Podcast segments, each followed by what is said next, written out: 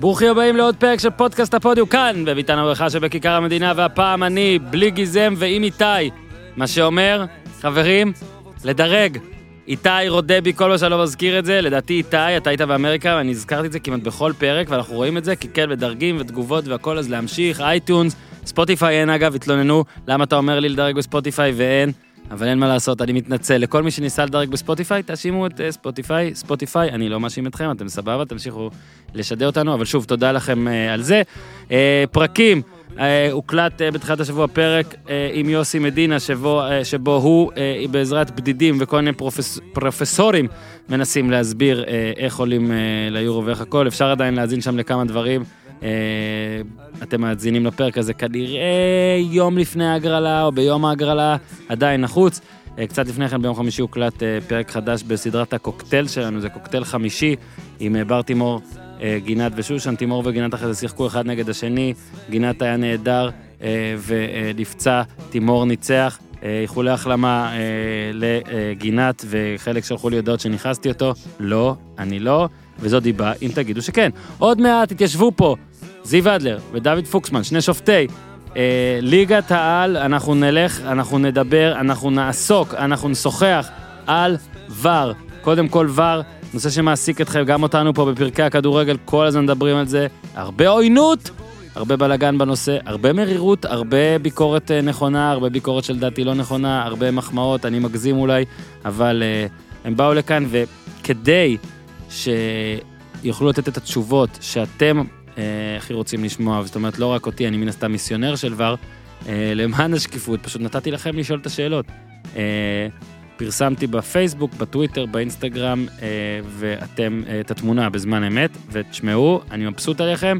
שאלתם המון המון המון המון שאלות. אה, בחרנו את אלה שלדעתי היו הכי טובות, או הכי שיש סיכוי שהן יענו, והכי כאלה שמותר לשדר אה, בכל שעה, והם ענו. אז הנה, אה, מהצד השני של השיר של אביזי, אבישי זיו, יהיה לנו את זיו אדלר ודוד פוקס ושופטי ליגת העל.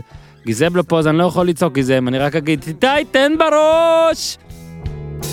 כן אבל זה new age, extra extra large, my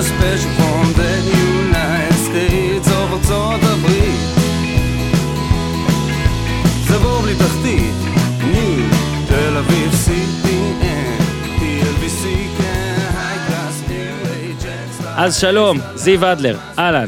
אהלן. שלום, דוד פוקסמן, אהלן. שלום שלום. אדלר, בדקתי.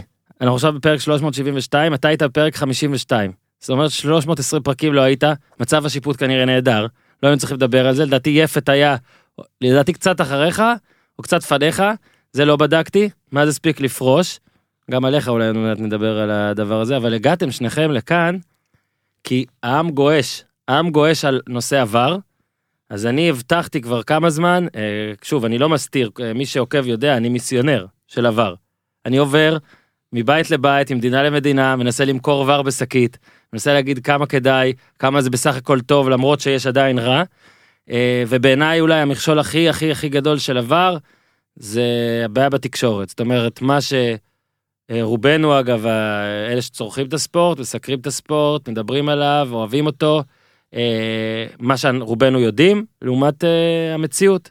אה, אז אתם כאן, אה, נדבר גם אולי על עוד דברים, אבל הרבה נדבר על זה, ואולי באמת ככה פשוט נתחיל, גם כדי שתדברו, ופוקסמן ניתן לך קודם, כי אתה עוד לא היית פה. מה בגדול, איך אתה מסכם, אה, בוא נראה, כמה זמן בעצם, אה, זה התחיל בעונה שעברה כפיילוט ב, ב, בסוף, אז אנחנו, בפלייאוף העליון רק זה שמונה, היה. כמה חודשים אנחנו? כמה חודשים, בקיצור. תן לי את הסיכום שלך, כאילו, לכמה חודשים האלה שלך עם ור, אה, עוד, עוד ניכנס קצת לתיק האישי שלך, אתה רק ב-28, זה בניגוד לאדלר, אתה לא שופט אה, מלא מלא מלא זמן בלי ואז אם, אבל זה עדיין אה, אחרי 10-11 שנים שאתה בענף הזה פתאום צריך לשנות. תסכם מה, מה שקורה עד עכשיו עם עבר. טוב, אה, לדעתי אני מאלה שתומכים בכל הדבר הזה, אני חושב ש... להתנגד לטכנולוגיה ולנסות להילחם בה זה משהו שהוא קצת כזה פרימיטיבי ולא, ולא, ולא עומד במבחן הזמן, לא, לא, לא רע, שום דבר שניסה להתחרות בטכנולוגיה עוד לא שרד. אה, כבר עכשיו נספר שאתה מההייטק, אז אה, כן. זה בכלל. ההגבלה הכי פשוטה שאני רואה לבר זה כמו, כמו חגורת בטיחות ברכב, כאילו פעם היו נוסעים בלי והיו תאונות ואנשים היו מתים וזה לא נוח וזה, והיום, היום זה סטנדרט, ועוד שלוש-ארבע שנים אחרי שעבר ייכנס ו, ונהיה קצת יותר משופשפים, אין משחק שיהיה בלי ור, זה יראה לנו כטבע שני וכולם ירצו את זה, וזה כבר היום, נגיד בליגת העל, היום אנחנו מחזור 10, אני לא זוכר איזשהו פוגרום, איזה משהו סופר משמעותי, בטח לא במשחק מרכזי, וזה חלק מהעניין, זה חלק, זה תקופה שתעבור, ולדעתי זה יעשה רק טוב לכדורגל. זהו, אתה יודע, אני, אני כבר עכשיו שאני רואה משחקים, אז נגיד אה, אנחנו מקליטים את הפרק הזה אה, ביום שלישי, אז ביום ש... אתמול זה היה, כן? ארגנטינה, אה, אורוגוואי, אז שם לא היה עבר, או נלך קצת יותר אחורה, אה, משחקי נבחרת. אה, נגיד אה, זהבי כבש והונף דגל, והייתי באיצטדיון עכשיו שהיה נגד פולין, בטדי. ואתה כאילו, אתה רגיל שרגע, טוב, יבדקו את זה, בוא נראה מה היה, בוא לא, בוא לא נחרוץ גורל, או למשל מונס דאבור נגד, לדעתי זה היה, עוד מקדוניה הצפונית זה היה, שהוא כבש ככה בסיבוב ונגע לו ביד, ואז כאילו אתה אומר, רגע, רגע, ואני אומר לך שאני, לפחות אני, זה מין אמצעי בטיחות בשבילי, או חגורת בטיחות כצופה. זאת אומרת, אני יודע שעדיין יהיו טעויות, או עדיין יהיו דברים שאני פחות אוהב אחרי הפרשנות של עבר, אחרי ההחלטה הסופית, אבל כשאין את זה אני משתגע, אולי כמו... שאתה רואה, עכשיו יש את ה-HD ו-4K, ואז פתאום אתה חוזר לראות טלוויזיה רגילה. אז פעם היינו רואים את זה וזה היה נראה איכות מצוינת, אבל אחרי שכבר יש את זה, קשה מאוד לחזור אחורה. אדלר, אז אותה, אותה שאלה אליך, ו- ואולי אצלך זה יהיה קצת אחרת, אתה באמת את רוב הקריירה, או רוב מוחלט, בלי זה. עכשיו, עם זה, איך אתה מסכם אגב, ותוסיף ל... לשאלה הזאת, גם איך אתה מסכם את הקליטה בארץ ספציפית. קודם כל, אנחנו בסיפור של עבר, בעצם מתחילת עונה שעברה. עברנו הכשרה מאוד אינטנסיבית, כלומר, אנחנו כבר שנה וכמה חודשים מתעסקים ממש בשיפוט עם הנושא של VAR לעומק ולכל הכיוונים, אבל באמת, כשמסתכלים על זה, בסך הכל עברו עשרה מחזורים מלאים של העונה הזאתי, פלייאוף עליון של שנה שעברה, שהיה, איך אומרים, פלייאוף פחות קריטי ממה שאנחנו רגילים, ככה שזה ממש שלבים ראשונים. מסכים איתך ש... לפעמים קשה לחשוב איך אה, זה היה לפני כן, וכשיש אירועים מסוימים אז אה, זה דבר שמאוד עוזר. אני חושב שאומנם זה מעלה, זה עושה הרבה רעש וויכוחים, אבל אה, זה משהו שסביר להניח שיקרה בהתחלה, וימשיך גם לקרות בעתיד במינון יותר נמוך. אני חושב שהשופטים מתחילים להבין ולהפנים איך להשתמש בעבר בצורה נכונה, מתחילים לקבל את עבר, שזה לא תמיד קל בהתחלה, ואני בטוח שכשנמשיך קדימה עם העונה, אנחנו נראה שזה הצליח וזה ייתן לנו שיפוט יותר איכותי ופחות טעויות. לא חייבים לציין שמות, אבל יש שופטים, חברים שלכם, יש עדיין שופטים שהיו מעדיפים לא להתעסק עם זה בכלל. שופטים שאומרים אולי זה בעייתי, זה לא טוב, אני... יש איזה שופט אחד לדעתי שאני יודע את זה עליו, אני לא בוודאות אז אני גם לא רוצה להגיד, אבל כולם מאמצים את זה או שלחלק זה... אני מדבר עכשיו אגב על הבחינה הפילוסופית אידיאולוגית, לא על, אה, על, על אה, פיזית איך אני משתמש. האם כולם כמוך פוקסמן של טכנולוגיה והכל, או שיש כאלה, כי, כי שוב, אני, אם אני רק אוסיף, אז אתה יודע, הגישה אולי של, של נגד זה שפתאום בא שופט ואומר, טוב, אני כבר לא הסמכות העליונה לגמרי, זאת אומרת, אפשר לערער על ההחלטה שלי, זה יכול לערער אותי בכלל גם מול שחקנים. תראה, אני חושב שבתור שופטים, הדבר הכי גרוע מבחינתנו, זה שאנחנו מכריעים את המשחק, ואנחנו הורסים את המשחק, וזה יוצר נזק שהוא בלתי הפיך. זאת אומרת, במקום שיתעסקו בקבוצות, באים ומתעסקים באנשים, ודוגמה, שנה שעברה היה הפועל באר שבע נגד אה, בית"ר ירושלים בטרנר, והיה משחק של אלון, ואלון אה, היה שם... בוזגלו. עם בוזגלו, והיה שם הרבה אירועים, ו... ובוא נגיד, כל מה שדיברו אחרי המשחק היה על, על השופט, ואחרי זה הוא קיבל טלפונים הביתה, וקללות, ועניינים, ואם אני אבוא ואשאל אותו, או כל אחד אחר, ו... ויאפשר לו את האופציה להימנע מהדבר הזה על ידי לא משנה מה, אני בטוח במאה אחוז ש... שהוא יסכים, ועם הכלי הזה, ואם יש לו כלי כזה פשוט שהוא זמין ונגיש, ו... ו- ו- וכאילו יחסית פשוט, לעומת מה שקרה בסוף, אני בטוח שהוא היה הולך על זה בשתי ידיים, ומבחינתי זה, זה, זה דוגמה מצוינת. אנחנו בסוף רוצים להתעסק בכדורגל, וגם כשאני עושה טעות, אז שהטעות תישאר במגרש שלי, ולא להשפיע על קבוצות, על מועדונים, על אנשים שבאים ושמים הרבה כסף.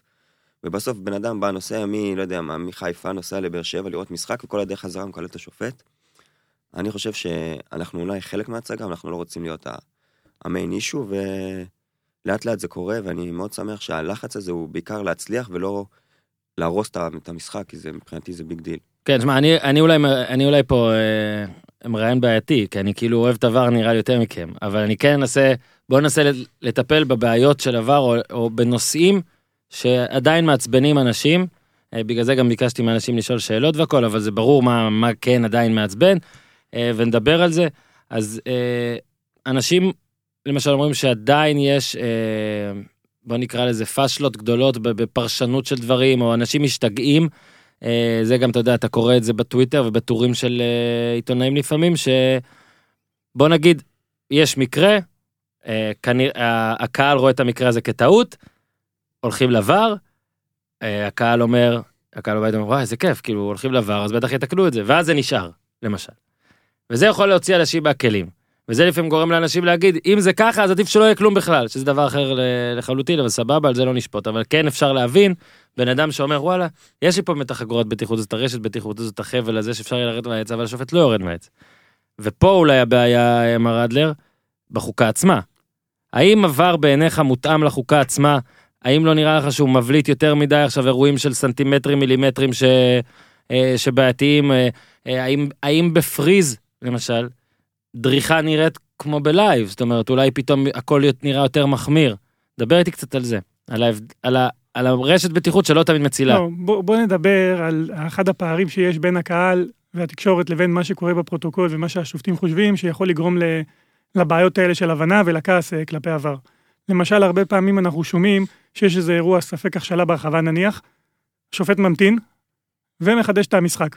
ואז אנחנו שומעים את הטענה, למה לא השתמשו בVAR? למה לא הפעילו הVAR? Mm-hmm. עכשיו, מה שאנשים צריכים להבין זה שבזמן הזה, כשיש אה, כל אירוע של ספק, עבר בודק את האירוע. עכשיו, בVAR יושב שופט שהוא ב של שופט המשחק, הוא בודק את האירוע, ואם הוא מקבל החלטה שהטעות, שהשופט לא ביצע טעות מוחלטת של 100%, הוא לא קורא לו לראות. Mm-hmm. זאת אומרת, אין מצב שהאירוע לא נבדק, כמו שאנשים חושבים, אבל במקרה הזה, אתה שומע, לא השתמשו בVAR, השתמשו כן. בVAR, עבר בדק, ראה את האירוע, החליט שאין עילה לקרוא לשופט. שזה דבר אחד שחשוב להבין. דבר שני שחשוב להבין, ופה אני חושב הפער הכי גדול, שהפרוטוקול של עבר מחייב אותנו ללכת ולהשתמש בVAR, לקרוא לשופט לצורך העניין לראות, רק אם יש טעות של 100%. זאת אומרת, יכול להיות מצבים מסוימים שההחלטה היותר נכונה לא תילקח במגרש, כי בכדורגל אנחנו לא מדברים תמיד על אירוע שהוא שחור או לבן, יש אירועים אפורים. והציבור תמיד מסתכל, אוקיי, מה היה יותר נכון לקחת עכשיו, פנדל או לא לקחת פנדל? Mm-hmm. אבל עבר לא מסתכל ככה, הוא בפירוש רשום בפרוטוקול, הוא לא צריך לקחת את, ה, את ההחלטה, לבדוק האם השופט קיבל החלטה נכונה, אלא לבדוק האם ההחלטה שהוא קיבל היא מוטטת ב-100%. ופה יש פער מאוד גדול. זאת אומרת, יכול להיות שעבר יחשוב שההחלטה הנכונה יותר הייתה לשרוק לעונשין על אה, נגיעת יד מסוימת, אבל אפשר לתמוך גם באיש ריקה, והוא לא יקרא לבר. כן. עכשיו מבחינת פרשנים, קהל, ציבור, מעצבן. למה לא קרה לו? זה פנדל, אבל לא, בפירוש יכול להיות כן. מקרים שאנחנו נחשוב שהיה יותר נכון לשרוק לפנדל, ועדיין אנחנו לא נקרא לבר, כי זה לא טעות של 100%. כי אם כל דבר שאנחנו נחשוב רק מה יותר נכון, אז יהיו המון קריאות. אז פה אני אכנס רגע, יש פער אז פה גדול. אני אכנס לעוד uh, תת נושא בעצם שהוא מאוד מהותי. אתם כשופטים, uh, בתוך עצמכם מתחרים מול השופטים האחרים, זאת אומרת בסגל ליגת העל מן הסתם, כמה הבינלאומיים עכשיו, חמישה, שישה, כמה זה עכשיו? שישה. אם אתה טוב, אם אתה מקבל ציון גבוה, יותר סיכוי שאתה תהיה בינלאומי, נכון? זה הולך ככה בערך? נכון. זאת אומרת שאם אתה שופט, נגיד הנה עכשיו פוקסמן, אתה איש צעיר, אה, ציינתי את הגיל כבר, הכל טוב, אה, ואתה שופט, ויש בבר מישהו שהוא נגיד עכשיו בינלאומי, ואתה רוצה להגיע להיות בינלאומי. יש פה, ואני אגב, באמת זה לא פרסונלית, זה באמת נראה הזוי, זאת אומרת שמישהו צריך או להציל אותך, מישהו יכול להטעות אותך, וגם אם אתם חברים וגם אם אתם ביחסים טובים, יכול להיות שהוא לא לגמרי לגמרי לגמרי 400 אחוז נקי. הוא גם מקבל ציון, איך זה הולך כאילו כדי למנוע את זה, עד כמה אגב אתה מרגיש שיש כאלה שאתה יותר בנוח איתם ואולי יש כאלה שאתה פחות בנוח איתם. טוב, אז uh, נחלק את זה לשתיים. קודם כל, צריך להבין שהיום בחוקה של המשחק יש הרבה מאוד מקום לפרשנות. עכשיו, כמו כל uh, שופט, כמו כל בן אדם, לכל אחד יש את הסגנון שלו, אז תמיד יהיה את השופטים שאתה תתחבר אליהם יותר, שהם יותר בסגנון שלך, בין אם אה, אוהבים לשרוק יותר, אוהבים לשרוק פחות, יותר מחמירים, פחות מחמירים, ותמיד יהיה כמו מין אסכולות כאלה. Uh, מה שכן, יש איזה מיתוס כזה על הציונים שלנו בתור שופטים, ואם כבר פתחת, אז בוא נדבר על זה. יאללה. כל משחק, יש לנו מבקר, שהמבקר נותן ציון. עכשיו, הוא נותן ציון לכל אחד מהחברים בדשא, זאת אומרת, שופט, כוונים ושופט רביעי. ובנוסף הוא גם נותן אותו ציונים לשופטים בניידת. זאת אומרת שאף אחד לא יוצא קירח אם הוא עשה איזה טעות או, mm-hmm. או בא להרוס לצורך העניין. עכשיו, מה שחשוב להבין זה שהציונים משפיעים על ההתקדמות של שני הצדדים. זאת אומרת, אם אנחנו בדרך כלל בליגת העל, שבוע שופטים, שבוע יושבים בניידת, או שבוע שופט רביעי, או משהו כזה, אבל לצורך העניין כל שבועיים אנחנו מקבלים משחק. כן.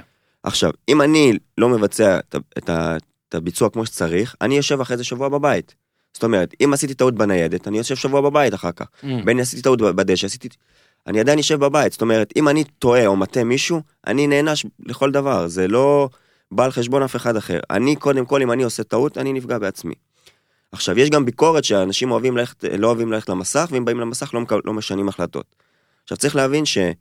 once הגענו למסך ושינינו את ההחלטה, אז הציון שלנו נפגע ב-X נקודות, אבל once הגענו למסך ולא החלפנו, ובסוף התברר שטעינו, הציון נפגע פי שתיים. כן. זאת אומרת, אנחנו לוקחים על עצמנו ריסק מטורף. אם בא שופט ומחליט שהוא לא מקבל מה שממליצים לו, אז הוא בעצם יכול אה, לה- להיפגע בציון כאילו הוא פגע בשני משחקים. למה בכלל אבל יורד ציון אם טעית על הדשא ותיקנת בVAR? כל המטרה של הVAR בעצם היא, היא זה, זה הצדק, זאת אומרת, אתה יכול אולי לטעות, אבל אתה, העיקר שמה שיוצא בסוף. אז אני כאילו מבין את התעדה פה, כאילו אומרים, אנחנו רוצים שתשפוט הכי טוב בעולם ושלא תסתמך על זה. לגמרי. אבל עדיין, בעיניי זה- אה, בעיניי זה קצת גורם לך להתחיל עכשיו מחשבות וחישובים. מה שסיפרת עכשיו זה חישובים, אתה מבין? זה, זה לא נקי לגמרי. אני מבין מה אמרת, אגב, זה גם שיטה סבירה, כאילו, מתמטית.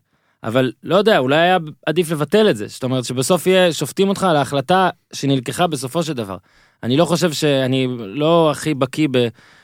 באמת, ב- האם בשופט, לשופטים ב-NFL נגיד יש ניקוד, אני לא בטוח שיש, אבל שם זה מין צוות כזה, ויש את ה flags האלה, אתה יודע, ויש צ'אלנג'ים, וכאילו מאמן יכול באמת לשנות החלטה, לקרוא תיגר על החלטה של שופט, ואז הם משנים. אני כאילו מרגיש שעדיף היה שלא יהיה את ההתעסקות הזאת ב VAR, אתה מבין? ניקוד. לצורך העניין, חוקת המשחק לא בכדי הגדירה שמי שמקבל את ההחלטות זה אך ורק השופט באמצע. והסיבה העיקרית לכך שרק מי שנמצא בתוך המגרש ומרגיש את השחקנים ומרגיש את הקהל ומרגיש את האווירה, לדעתי יכול לשפוט בצורה מיטבית לטובת אה, מה שנקרא רוח המשחק. רק מהמם. הוא מצליח להבין מה התחושות במגרש ומה השחקנים רוצים, ולפעמים יש החלטות שאנחנו לוקחים, שהן לאו דווקא הכי נכונות מבחינה טכנית, אבל זה מה שעולם הכדורגל מצפה ומרגיש. והשופטים שיושבים בניידת, צריך להבין, הם יושבים בלי סאונד, בלי קולות, הם לא שומעים אף אחד, הם רואים משחק על מיוט מוחלט, והם צריכים להחליט אם היה משהו או לא היה משהו, והרבה פעמים השיקול דעת הזה הוא מאוד מאוד מאוד קשה. ואתה צריך לבוא ולשבת, אתה יושב לפעמים בהרצליה, בא- באולפנים, מרוחק שנות אור מהמשחק, ואתה צריך לקבל החלטות על אירוע שלם עם 30 אלף איש ביציאה, ערימות של אנשים בבית, ולדעתי עדיין זה לא נכון שאותו בן אדם שיושב out of, out of context ויקבל החלטות על, על אירוע כזה גדול שמתקיים במגרש, ולא, ו, ולא סתם רוצים שהשופט שבאמצע יקבל את ההחלטות. שזה באנגליה אבל ככה קורה, לא? ש...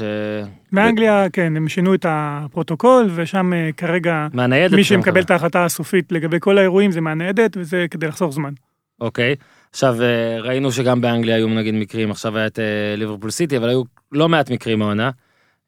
יש לך העדפות? נגיד, הנה, פוקסמן עכשיו אמר שהוא מעדיף באמת שזה כמו שאצלנו. אתה נגיד, מה אתה חושב? שעדיף באמת שהשופט המרכזי יקבל תמיד את ההחלטה? קודם כל, תמיד מקבל את ההחלטה למעט במקרים עובדתיים, דוגמה בפנים ברור, בחוץ, ברור, נבדל או דברים ברור, כאלה, כן. ככה שלא תמיד, אבל אה, כן, אני חושב שהדבר הנכון הוא גם, אה, זה נראה יותר טוב כלפי חוץ, ששופט הולך, רואה את האירוע, בוחן את ההחלטה שלו ומקבל ומשנה אותה, אז אני חושב שזה דבר אה, נכון. יצחק לוי פה כתבנו, נתנו לאנשים לשאול ברשתות, אז זה באמת שאלה, שאלת המשך שלי. ניתן לו את הקרדיט אבל, כי זה אותו דבר. אחד הדברים הכי, שהכי מעצבנים אנשים זה הזמן, אוקיי? עכשיו אני יכול לבוא ולתקוף אותם כמו שאני תמיד עושה, אוקיי? על זה שלאן אתם מהרים חברים, הכל טוב, חיכיתם שעתיים, אז יהיו שעתיים וארבע דקות. בוא נגיד שענף הכדורגל זה לא משהו שכל הזמן חי, אתם כן יכולים להסתכל בטלפון גם ככה מלא פעמים, שחקנים מבצעים, מתגלגלים וזה, טוב, את כל זה שמנו בצד. עכשיו, עובדתית באמת, יש מקרים שמבזבזים הרבה זמן וזה מעצבן אותם, מעצבן גם אותי. האם לי יש הצעת ייעול אחת? למשל, אם באמת בארץ או בכל מקום שהוא לא אנגליה מוגדר שברגע שאתם משתכנעים שצריכים ללכת, אתם הולכים, למה לא פשוט, כאילו תמיד אחרי נגיד אם משהו לוקח נגיד איקס זמן, נגיד אה, יצחק כותב אה, 20 שניות, אבל נגיד חצי דקה משהו כזה, אתם עדיין מדברים, להתחיל להתקדם כבר למסך. מה כזה נורא, כאילו אם, עד שתגיע למסך, הרי אתה... כולכם די אינטליגנטים למרות מה שאנשים חושבים שאתם, עוד מעט גם לספר מה אתם עושים קצת לא. בחיים כדי שאנשים יקלטו, הלו, יש פה אנשים, אה, בוא נגיד איכותיים מאוד, יכולים ללכת ולתקשר באותו זמן, וזה אולי דבר שבאמת יחסוך זמן. דבר איתי על כל עניין של הזמן. אוקיי, הנושא של הזמן זה נושא שבאמת מעסיק את אה, כל, אה, את כל עולם הכדורגל כרגע, ב- ומדברים על זה, וגם אנחנו מודעים לזה שהיו כמה מקרים בתחילת השנה שלקחו יותר מדי זמן, והיינו מעדיפים אה, לקצר את, התהליך הזה. אז קודם כל, כמובן, הניסיון שלנו עם הזמן שנצבור, אנחנו אמורים לקצר. דבר שני, קודם כל, הפרוטוקול של עבר אומר לנו שחשוב, הדיוק יותר חשוב מהזמן. זאת אומרת, אם צריך לקחת עוד כמה שניות ולקבל את ההחלטה הנכונה, אז עדיף אה, לקחת את הזמן הזה מאשר לטעות. מהמם. זה קודם כל, אם כבר הבאנו את העבר, אז בואו נהיה צודקים. אה, דוגמה באנגליה, אה, שמעתי שהם מדברים על זה, הקבוצות רוצות שאומרות שאם לוקח יותר מדקה לבדוק אירוע מסוים, אז בואו פשוט נשאיר את ההחלטה של המגרש כמו שהיא. ואז האחראי על העבר שם אמר להם, רגע, אז אם אחרי 60 שניות לא הספקנו להגיע וייקח לנו 64, אז בגלל 4 שניות נוותר על ההחלטה הנכונה ויהיה שער בנבדל. זאת אומרת, צריך להבין, לפעמים יש דברים שלוקחים זמן, זה חלק מהעניין. עכשיו לגבי שאלתך, השופט במגרש צריך לקדם כל הזמן את ההחלטה שהוא לקח ולהיות מוכן. זאת אומרת, נניח שהוא שרק לעונשין, אז הוא מסדר את השחקנים, מסדר את הכדור, כולם מוכנים עד לאישור של עבר. אם הוא ילך אוטומטית אחרי שהוא שורק לעונשין לעבר, בינתיים המשחק לא יהיה מוכן. זאת אומרת, הנחת המוצא שלנו היא, וזה מה שקורה גם בדרך כלל, שהשופט במגרש יהיה צודק, אמ, ובגלל זה הוא צריך לארגן את השחקנים, קיבלת אוקיי, יאללה בוא נבעט. זאת אומרת, אנחנו לא עכשיו עומדים ברחבה, מחכים לקבל את האישור, ואז מתחילים להזיז את השחקנים לסדר את הבעיטה. אנחנו לא מוציאים כרטיס אדום ואומרים לשחקן בוא תעמוד פה לידינו נקבל אישור שזה אדום, להפך, בינתיים הוא מתקדם החוצה, בינתיים השחקנים מתכוננים לבעיטה, הכל מוכן במגרש, ברגע שמקבלים את האישור של העבר, אז אה, אפשר פשוט להתקדם ולהמשיך מאותה נקודה. אם נלך לעבר, זה יכול להיות שבמגרש אף אחד לא יהיה מוכן להמשך המשחק, ואז נחזור מעבר בהחלטה נכונה ונצטרך להתחיל לארגן, זה, זה הרעיון פה. יש משהו שאנשים לא כל כך מודעים אליו, אה, כמות המצלמות היא שונה בכל משחק. זאת אומרת, לא בכדי במשחקים המרכזיים, בדרך כלל בערוץ הספורט ובימי שני, לרוב ההחלטות הן יותר טובות, יותר מדויקות, יותר מהירות. הסיבה הפשוטה היא שבמשחקים האלה יש בדרך כלל 10-12 מצלמות, לעומת משחקים אחרים בליגת העל ביום ראשון, ביום שבת, שלפעמים זה רק 4. עכשיו, בסוף אנחנו מחפשים את הפריימים, מחפשים את התמונות, מחפשים את הזוויות, וככל שיש לי יותר כלים, אני אהיה יותר טוב בתפקיד שלי, ואם יש לי יותר מצלמות, יותר הילוכים חוזרים, מצלמות אה, יותר super slow motion, ככה אני יותר מדויק. אז המציאות היום כרגע עם, ה, עם הזכיין ועם כל ההסכמים זה שהכל נעשה לפני עידן VAR, ואני מהמם. בטוח שכשיחתמו את ההסכמים החדשים עם הערוצים ועם הזכיינים, המצב ישתפר, וגם הנושא הזה של הזמן ילך ויצטמצם ככל שנתקדם. מה נגיד לגבי, אה, אולי אחד הנושאים הגדולים באמת שעכשיו מדברים עליו זה האופסייד. אה, אז באמת האופסייד הוא די נפתר כמעט לחלוטין, נכון? אין כמעט טעויות נבדל כבר. אבל עכשיו מה מעצבן? אה, אנשים שפתאום שמים לב שוואלה, נבדל סנטימטר זה עדיין נבדל. האם לדעתכם, וזאת אולי שאלה קצת יותר פילוסופית, עבר לא כל כך כל כך אולי מדויק, או, או, או בוא נגיד מקפיא תמונה או דברים כאלה, אולי באמת הוא שם דגש על, הוא שם, אה, כן, דגש על כמה שהחוקה, אה, נקרא לזה קשוחה, בעייתית. האמת שמה שנוצר, שעבר הוא קצת מקדים את- זמנו, מה הכוונה? חוקי המשחק עדיין לא אה, up to date ביחס לחו- ל- לבר. זאת אומרת שפעם נבדל היה מה שהכוון רואה בעיניים, ו... וזה מה יש. וזה מה יש, וגם תלוי גם בבמאי בטלוויזיה, מתי הוא מצליח לעצור ומתי הוא מוצא את הנגיעה האחרונה בכדור. ולדעתי עם הזמן החוקים פשוט ילכו ויתעדכנו ויעשו שינויים נוכח המצב. לצורך העניין, הקיץ כבר התחילה תופעה כזאת, וחוקי היד השתנו, כן. והיום יד לתוקף ויד למגן זה כבר לא אותו דבר. והיום נורא קל לצורך העניין לפסול שערים שבהם אפשר לזהות על ידי פריים בודד שנגע ביד, ולא צריך להכניס עוד אלמנטים של פרשנות, ולדעתי בזמן הקרוב יתחילו לעשות שינויים שמבחינה ויזואלית יהיה יותר קל לנתח אותם, ו- וגם יאפשרו לחסוך בזמן וגם להיות יותר מדויקים ויותר ברורים לקהל. אה, אחד השינויים שהתחילו לעשות עכשיו, יש קומיטי של אייפאב, שהם למעשה משנים את כל החוקים של הכדורגל כן. כל שנה. עכשיו הכניסו לשם את אה, רוזטי, שהוא אחראי השופטים בוופא, בתוך ה... מתוך שיקול של לתת למישהו שהוא יותר פרקטי, שיותר חי את השטח, בתוך הפורומים האלה של החוקים, על מנת אה, לבוא ולתת איזשהו פידבק אה, יותר מקומי, יותר מבפנים, כדי לבוא ולראות איך מנגישים כן. את המשחק. אולי. נגיד האופסייד קצת להגמיש אותו, כל מיני דברים כאלה. כן, ש- לגמרי, לגמרי. שוב, הרי הבעיה היא, אני, אני הייתי אז, עוד אה, באתי לסדנה עם יו דאלאס, אני חושב שאתה עוד לא היית אז. ב- בליגת העל, או, אנחנו מבוגרים אדלר, מבוגרים. ושם נדהמתי לגלות, עשיתי איזה סדרת כתבות איתכם. שם נדהמתי לגלות עד כמה זה קשה.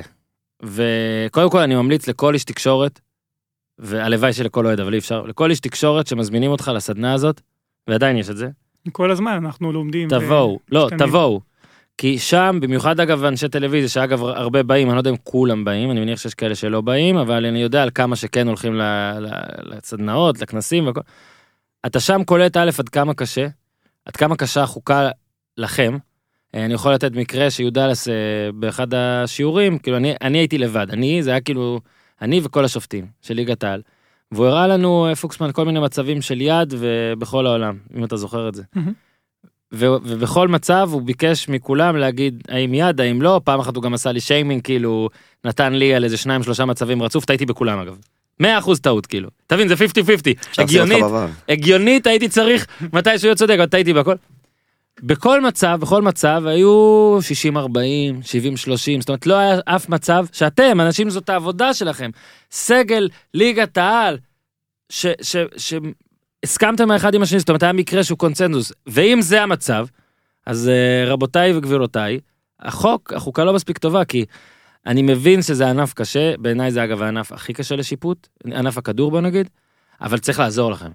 צריך לעזור לכם, צריך לעזור לענף הזה בכלל, זאת אומרת, לא יכול להיות שיש כל כך הרבה מצבים, שאז גם אה, באיגוד עכשיו מוציאים כל שבוע, אה, נגיד, מקרים אה, ראויים לציון וזה, ואתה, הרבה פעמים התשובה לא מספקת, כי, כי התשובה היא, כן, היה אולי אפשר לעשות את זה, אבל זה מה שהיה, ואתה מבין, כאילו, צריך לנסות לעשות חוקים שקרובים ל-100-0, איכשהו, בעיניי. זאת בדיוק הנקודה של עבר, שצריך להבין. עבר לא יכול לתת מענה של 100% הוא להפך, הוא לבעיות השיפוט מבליט עד וטעויות כמה השיפוט. קשה, הוא מבליט את זה. הוא, הוא צריך לתת מענה לטעויות קריטיות ברורות שהיו ולא חסרות לאורך ההיסטוריה של כדורים שעברו את הקו והשופט לא ראה, של שערים שנכבשו ביד, של שערים בנבדל ברור.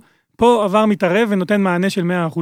במקרים, כמו שאמרת, שהם לא ודאיים, מקרים אפורים, מקרים שאפשר לפרש אותם לכאן או לכאן, נשאר עם מה ששופט המשחק רצה. אוקיי, אז עכשיו אני הולך לפרגן, אני אפרגן לך? אני לא יודע אם אני אעשה את זה. טוב, ויטור.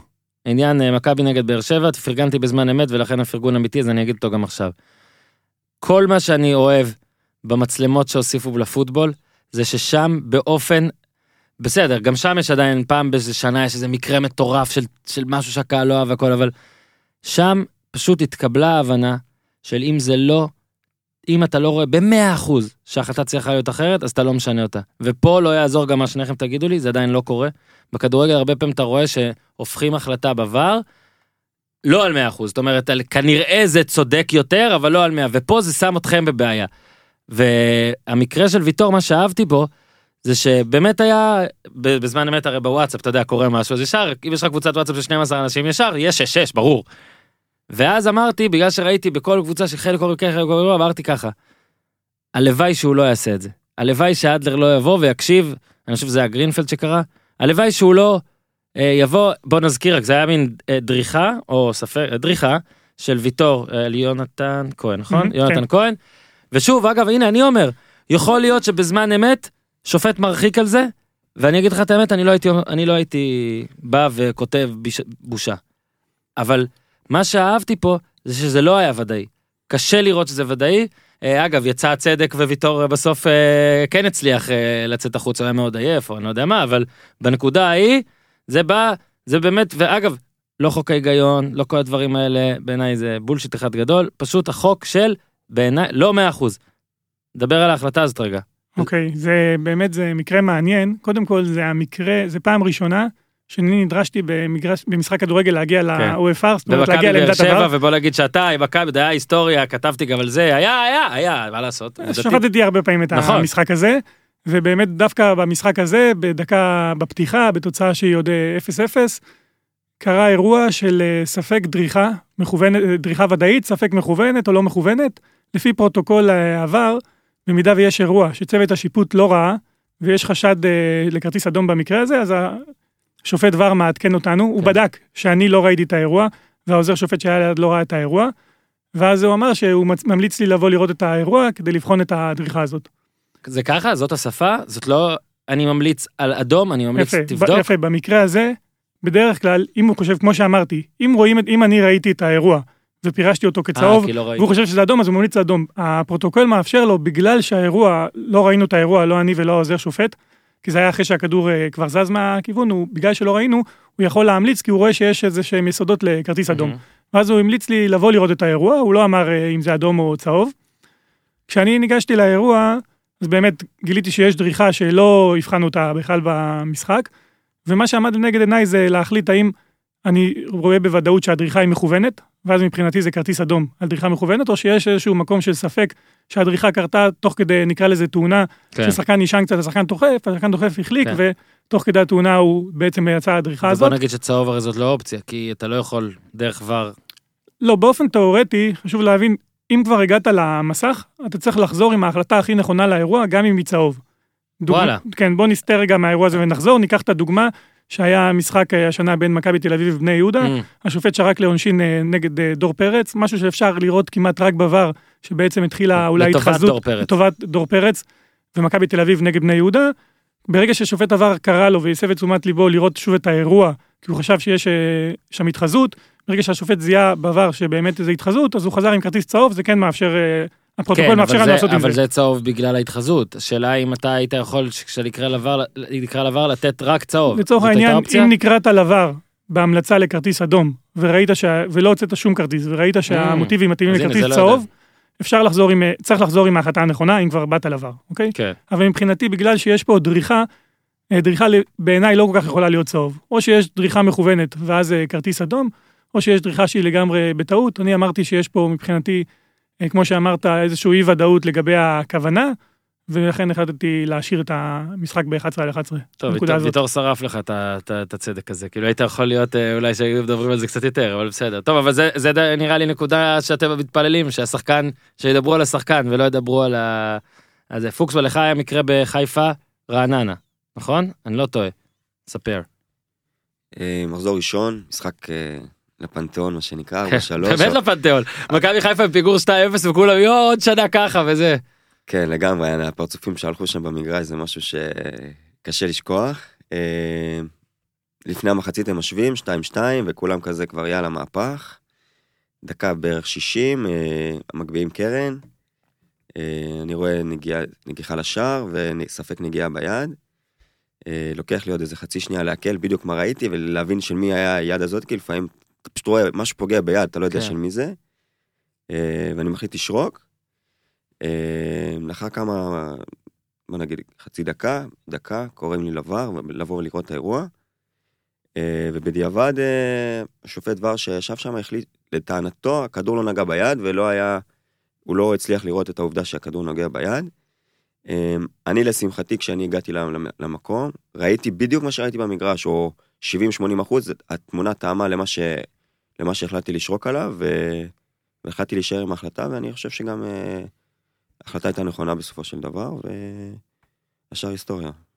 היה נגיד איזה אירוע מקרה שכזה אמרתם, אה, חבל שיש את זה, מעצבן שיש את זה, בעיה בתקשורת, דברים שאתם צריכים לעבוד אחרי זה עם ה... נגיד, באמת, אה, שוב, אפילו לא לספר עם שמות, אבל לספר על, נגיד, אתה יודע, בסופו של דבר אתה צריך לעבוד בתיאום מי שבעבר, נגיד נגמר המשחק, אתם בטח ישר מדברים על זה, ישר מדסקסים את זה, עד כמה זה מעסיק אתכם בקבוצת הוואטסאפ של, אה, של, של הסגל שלכם, עד כמה עבר שואב עניין, ו- ועד כמה אתם אה, מדברים על זה אחרי זה.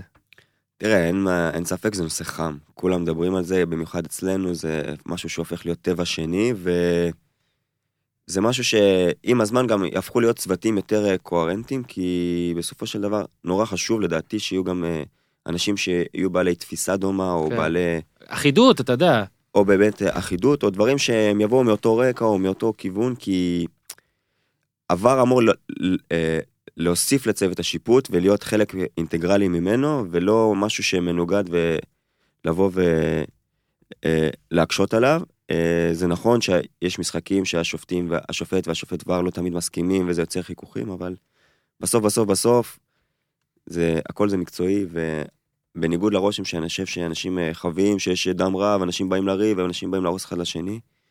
כשאני מבפנים, איך שאני רואה את זה, ואני מדבר אולי רק בשם עצמי, לדעתי כל האירועים, הכל זה היה באמת טעויות של, בוא נקרא לזה חוסר מקצועיות באותו מקרה נקודתי, ולא משהו מעבר, ולא באים לחסל, ולא באים זה. לדעתי זה הכל קשקוש. אנחנו הרבה שנים ביחד. יש פה שנים על גבי שנים של פעילות, של אירועים, של עניינים, וזה יוצר אה, לחץ ואינטריגות, ואנשים כאילו בתקשורת אוהבים לייצר מזה צבע וזה, אבל אי אפשר. אני חושב שאולי הדוגמה הקיצונית של העונה לפחות, קיצונית, זה כאילו מי שבאמת אה, כמה פעמים ספגה זה רעננה. יצא מצב שרעננה מתלוננת כמה פעמים. אגב, בעיניי לא כל הפעמים שהתלוננת צדקה, אבל היה כמה פעמים. אה, זה גם משהו הרי שעבר בה כן למחוק את ה... בוא נגיד, התעדוף התת מודע, או אתה יודע, לקבוצות גדולות, או דברים כאלה, אם אפשר לקרוא לזה, כי אין מה לעשות, אגב, אה, אני לא בדקתי את הנתונים הפסיכולוגיים של זה, אבל שמלא קהל לטובת, וביתיות נראית אחרת, וכמו שאמרת, גם הקבוצות הפחות אה, גדולות משחקות לרוב בפחות מצלמות, אז יש יותר סיכוי שאולי יהיו טעויות במשחקים האלה. אה, אתם מרגישים אה, את ה... את ה... את הלחץ מהקבוצות על הדבר הזה, נגיד אתה אמרת קודם אה, ולא הזכרת שמות, אבל נגיד איביץ' כמה פעמים כבר אמר חבל שלא בדקו בVAR, משהו שכאילו בדקו בVAR. ו... והנה המקרה הזה של רעננה, ואתם מרגישים שהקבוצות והשחקנים אה, לאט לאט מקבלים את זה, או שממש ההתנגדות עצומה? מה אתם מקבלים? מה היחס, התגובות שאתם מקבלים? עזבו אוהדים עכשיו, מהמאמנים, מהשחקנים, כי אתם כל הזמן בקשר. מי ששופט כדורגל, לחץ זה חלק, מבין שלחץ זה חלק מהמשחק. מהיום שהוא התחיל אה, לשפוט, לא, ובטח הגענו לרמות הגבוהות. הנקודה. אני לא חושב שהעבר שינה את הלחץ. אני, שפטנו לפני העבר ואחרי העבר, גם לפני העבר היה לחץ והיו טענות ואמרו קבוצות גדולות או קטנות או בית או חוץ. אה, צריך לדעת אה, להתמודד עם זה. אני לא בדקתי סטטיסטיקה, אבל השנה הוועדה המקצועית, כל אירוע שיש בעצם מפרסמת ואומרת את ההחלטות ומה יצא טוב ומה לא יצא טוב, ואני חושב שיש החלטות שפעלו אולי לרעת כמעט כל הקבוצות בליגה בשלב כזה או אחר. אה, מבחינתי עבר לא שינה את הנושא של הלחץ והשיח סביב השופטים, ודווקא במגרש, אני חושב שזה מקל על השופט. בהרבה מקרים אתה רואה שכשיש אירוע מסוים, שחקנים שואלים אותך מה קורה, אתה אומר, חבר'ה, בדקו את האירוע, הכל בסדר, הם אמרו שלא נגע ביד לדוגמה, שחקנים מקבלים את זה בצורה הרבה יותר טובה. זאת אומרת, אני חושב שהלחץ במגרש בין השופט לשחקנים, הוא יורד ברגע ש... בסך הכל ברגע שקיבלתי החלטה והעבר לא תיקן אותה, אז אני חושב שזה מסר שעובר גם החוצה שההחלטה הייתה נכונה וזה מוריד את הלחץ. ומצד שני, גם יש את הקטע שאפשר ללכת ולתקן ולהגיד, אוקיי, לא ראיתי את האירוע, הנה תיקנתי. וזה, אני חושב שזה עובר טוב מאוד אה, במגרש. מבחינת אה, נתונים, אז רק נגיד שקיבלנו כמה נתונים, אז אה, אה, ש- הבדיקה הייתה אחרי 53 משחקים, בטח הייתה מאז עוד אחת, אז 6.2 בדיקות בממוצע לכל משחק, כולל שערים, בדיקות של אה, ור, הממוצע העולמי הוא 5, 120 בדיקות של שערים, 206 בדיקות נושאים אחרים, 3.9 בדיקות בממוצע למשחק ללא שערים. עכשיו, מה שאולי כן קצת יותר מעניין, עיכוב משחק ממוצע כללי, 108 שניות. אם זה באמת נכון, וזה הממוצע, ואני משער זה נכון, אז אה, חברים, דקה וארבעים אה, מהחיים שלכם, או זה, תנו, תנו את זה. אה, מבחינת אה, מחזורים וטעויות, אז היו נגיד מחזור 1-2, 10 טעויות קריטיות, 5 מהן תוקנו. מחזורים, אתה יודע, אחרי זה בדקו 1-4, אז 14 ו-7, זאת אומרת, 50 אחוז, ואז בין מחזורים 5 ל-8 היו יותר מ-50 אחוז. ואולי זה בעצם השורה באמת החשובה של זה לא מושלם, אבל זה הרבה יותר טוב מקודם. אז uh, אתה נתת, פוקסמן, דוגמה ל... לחגורת בטיחות, אני תמיד נותן דוגמה של, זה כמו uh, לעלות במעלית, אחרי שעלית כל החיים במדרגות, ואז אתה נתקע במעלית. ואז על חוויה אחת רעה, אתה אומר, "אה, לא, לא רוצה מעליות יותר, בוא נחזור למדרגות. אז אני, כל עוד הנתונים תמיד יראו שאפילו יש שריקה אחת או שתיים שתוקנו, לי זה כבר יספיק. כמובן שנראה לי ש-60-70 אחוז זה הדבר היותר אה, נדרש, אבל, אה, אבל זה מה שבאמת צריך. אה, קצת עליכם, אדלר, אתה היית, אה, אנחנו, אל תדאגו, אנחנו חוזרים לשאלות שלכם עבר, אבל אני אוהב אה, מאוד שאתם צריכים, אני אוהב ש... אני רוצה שאתם תכירו את האנשים מאחורי המשרוקית. היית פה כבר והכל, אבל אה, בצר, בקצרה, את המקצוע ואת אה, יתר החיים. אוקיי, אני בן אה, 44, אני גר ברעננה, ובגלל זה אני לא שופט את רעננה שהזכרת מקודם שהם כן. מקופחים. אתם מבינים? רעננה, זה לא בגלל אדלר, אבל פוקסמן, זה אתם יכולים אחרי זה להגיד מה שאתם רוצים. כן, אה, אה, אז, אז אני בעצם אה, שנה 11 שופט בליגת על, זו תהיה השנה האחרונה שלי על הדשא, כי אצלנו בגיל 45 זה הגיל שפורשים. אגב. זה מתחת לרדאר. כאילו, אלון יפת בא, איכשהו קיבלתי את זה. לא קלטתי שגם אתה ועוד, אה, יש עוד כמה אוטוטו הולכים. כן, השנה זה רק אני, אל תיקח לי את הבלעדיות לא, הזה, אתה- בשנה הבאה ועוד שנתיים ושלוש יהיו באמת אה, גל של פרישות. בשביל זה נכנסו שופטים צעירים אה, לקאדר בשנים האחרונות, שאחד איתנו כאן, שהם בעצם יהיו הדור שיחליף. בנושא העבר זה עוד לא ברור, יכול להיות ששופטים שיפרשו יוכלו להמשיך כשופטי ור, ואז יש לנו קריירה שנייה אחרי אחלה. הדשא. כן. בואנה, כמה אתה מתבאס? אתה כבר כל משחק כזה סופר? זהו, זה כבר לקראת... מבאס, לא? זה משהו שאתה יודע שהוא יגיע, אז זה לא מבאס. סך הכל אני נהנה מאוד מהשיפוט, ומצד שני, אתה גם אה, מבין שעם הגיל זה יותר קשה, המבחני כושר, המאמץ, אז זה לא מבאס, אני מנסה ליהנות כמה שיותר מהשנה הזאת, להצליח במשחקים, ויש גם קריירה אחרי, כמו, כמו שאמרתי. בשיפוט עוד, אה, בנוסף לזה שאני שופט, אני גם אה, מנהל את פרויקט המצוינות של איגוד השופטים במשך אה, שמונה השנים האחרונות. שבפרויקט הזה היום יש כבר חמישה שופטים בליגת העל שהתחילו בפרויקט כשופטים בליגה ב' והתקדמו את כל הדרך עד למעלה, שזה גם משהו שאני נהנה מאוד לעשות, להדריך וללמוד שיפוט וללמוד וללמד. זהו, נשוי, ילד אחד. מי- ועכשיו אתה, ת- כשופט דבר, אתה תוכל לשפוט את רעננה או שגם לא? לא, זה ברגע שאתה לא זה הכי מצחיק, כאילו לא אומרים הרי לפי מי שאתה נגיד אוהד או אהבת כילד או זה, אלא העיר שאתה בא, כאילו אם אתה גר בעיר הזאת, אז כאילו אתה לא יכול לשאול בגלל שאתה משלם לארנונה? זה יותר בגלל שזה אולי ייראה, כן. ייראה לא טוב, ייראה מוזר, ואז תשפוט משחק על ירידה. רגע, אם אתה עובר דירה? זהו? אני כבר בכל יש- מקרה, לא- יש- לא, אני יש- עד סוף יש השנה, צינון? יש אני עד? סוף השנה לא אעבור דירה, זה לא אה, רלוונטי. בוא אבל- נראה, בוא נראה, נראה, נאתגר אותך. פוקסמן, אתה גם בן 28 שכבר ציינתי את זה, זה הדהים אותי, כן? גבירותיי ורבותיי, אני יכול להגיד, עומד פה בן אדם צעיר, ואתה גם מההייטק. כן. פעם אני- הבאה שבמקום לקלל אותך, פשוט יגידו, למה אתה צריך את זה? אה? בוא תספר קצת. טוב, אז אני בן 28, נשוי טרי, אה, בדיוק אה, מסיים אה, תואר באוניברסיטת תל אביב בימים האלה, אה, הנדסת חשמל. אני עובד באיזה סטארט-אפ אה, ליד נתניה, אה, אני נתניאתי כבר הרבה הרבה שנים, גם לא שופט את נתניה מאותן סיבות, אה, אם אני אעבור דירה, או לא אולי איזה תקופת צינון כזאתי. כרגע, בוא נגיד, אני גר חמש דקות מהמגרש ולא לא, לא, לא כל כך יוצא לי להיות בו, כן, גם מכבי כבר לא שם, אין לך- כן, אין לך קלאב. אין כלום כבר, כן. רק חדרה, חדרה עדיין לא יצא לי לשפוט את העונה בבית. אה, זהו, זה בקטע... איך התחלת קצת באמת ב- ב- בכמה שורות על הדרך? התחלתי בתור אה, ילד בסוף י"ב, בגיל 17 כזה. עצור. למה?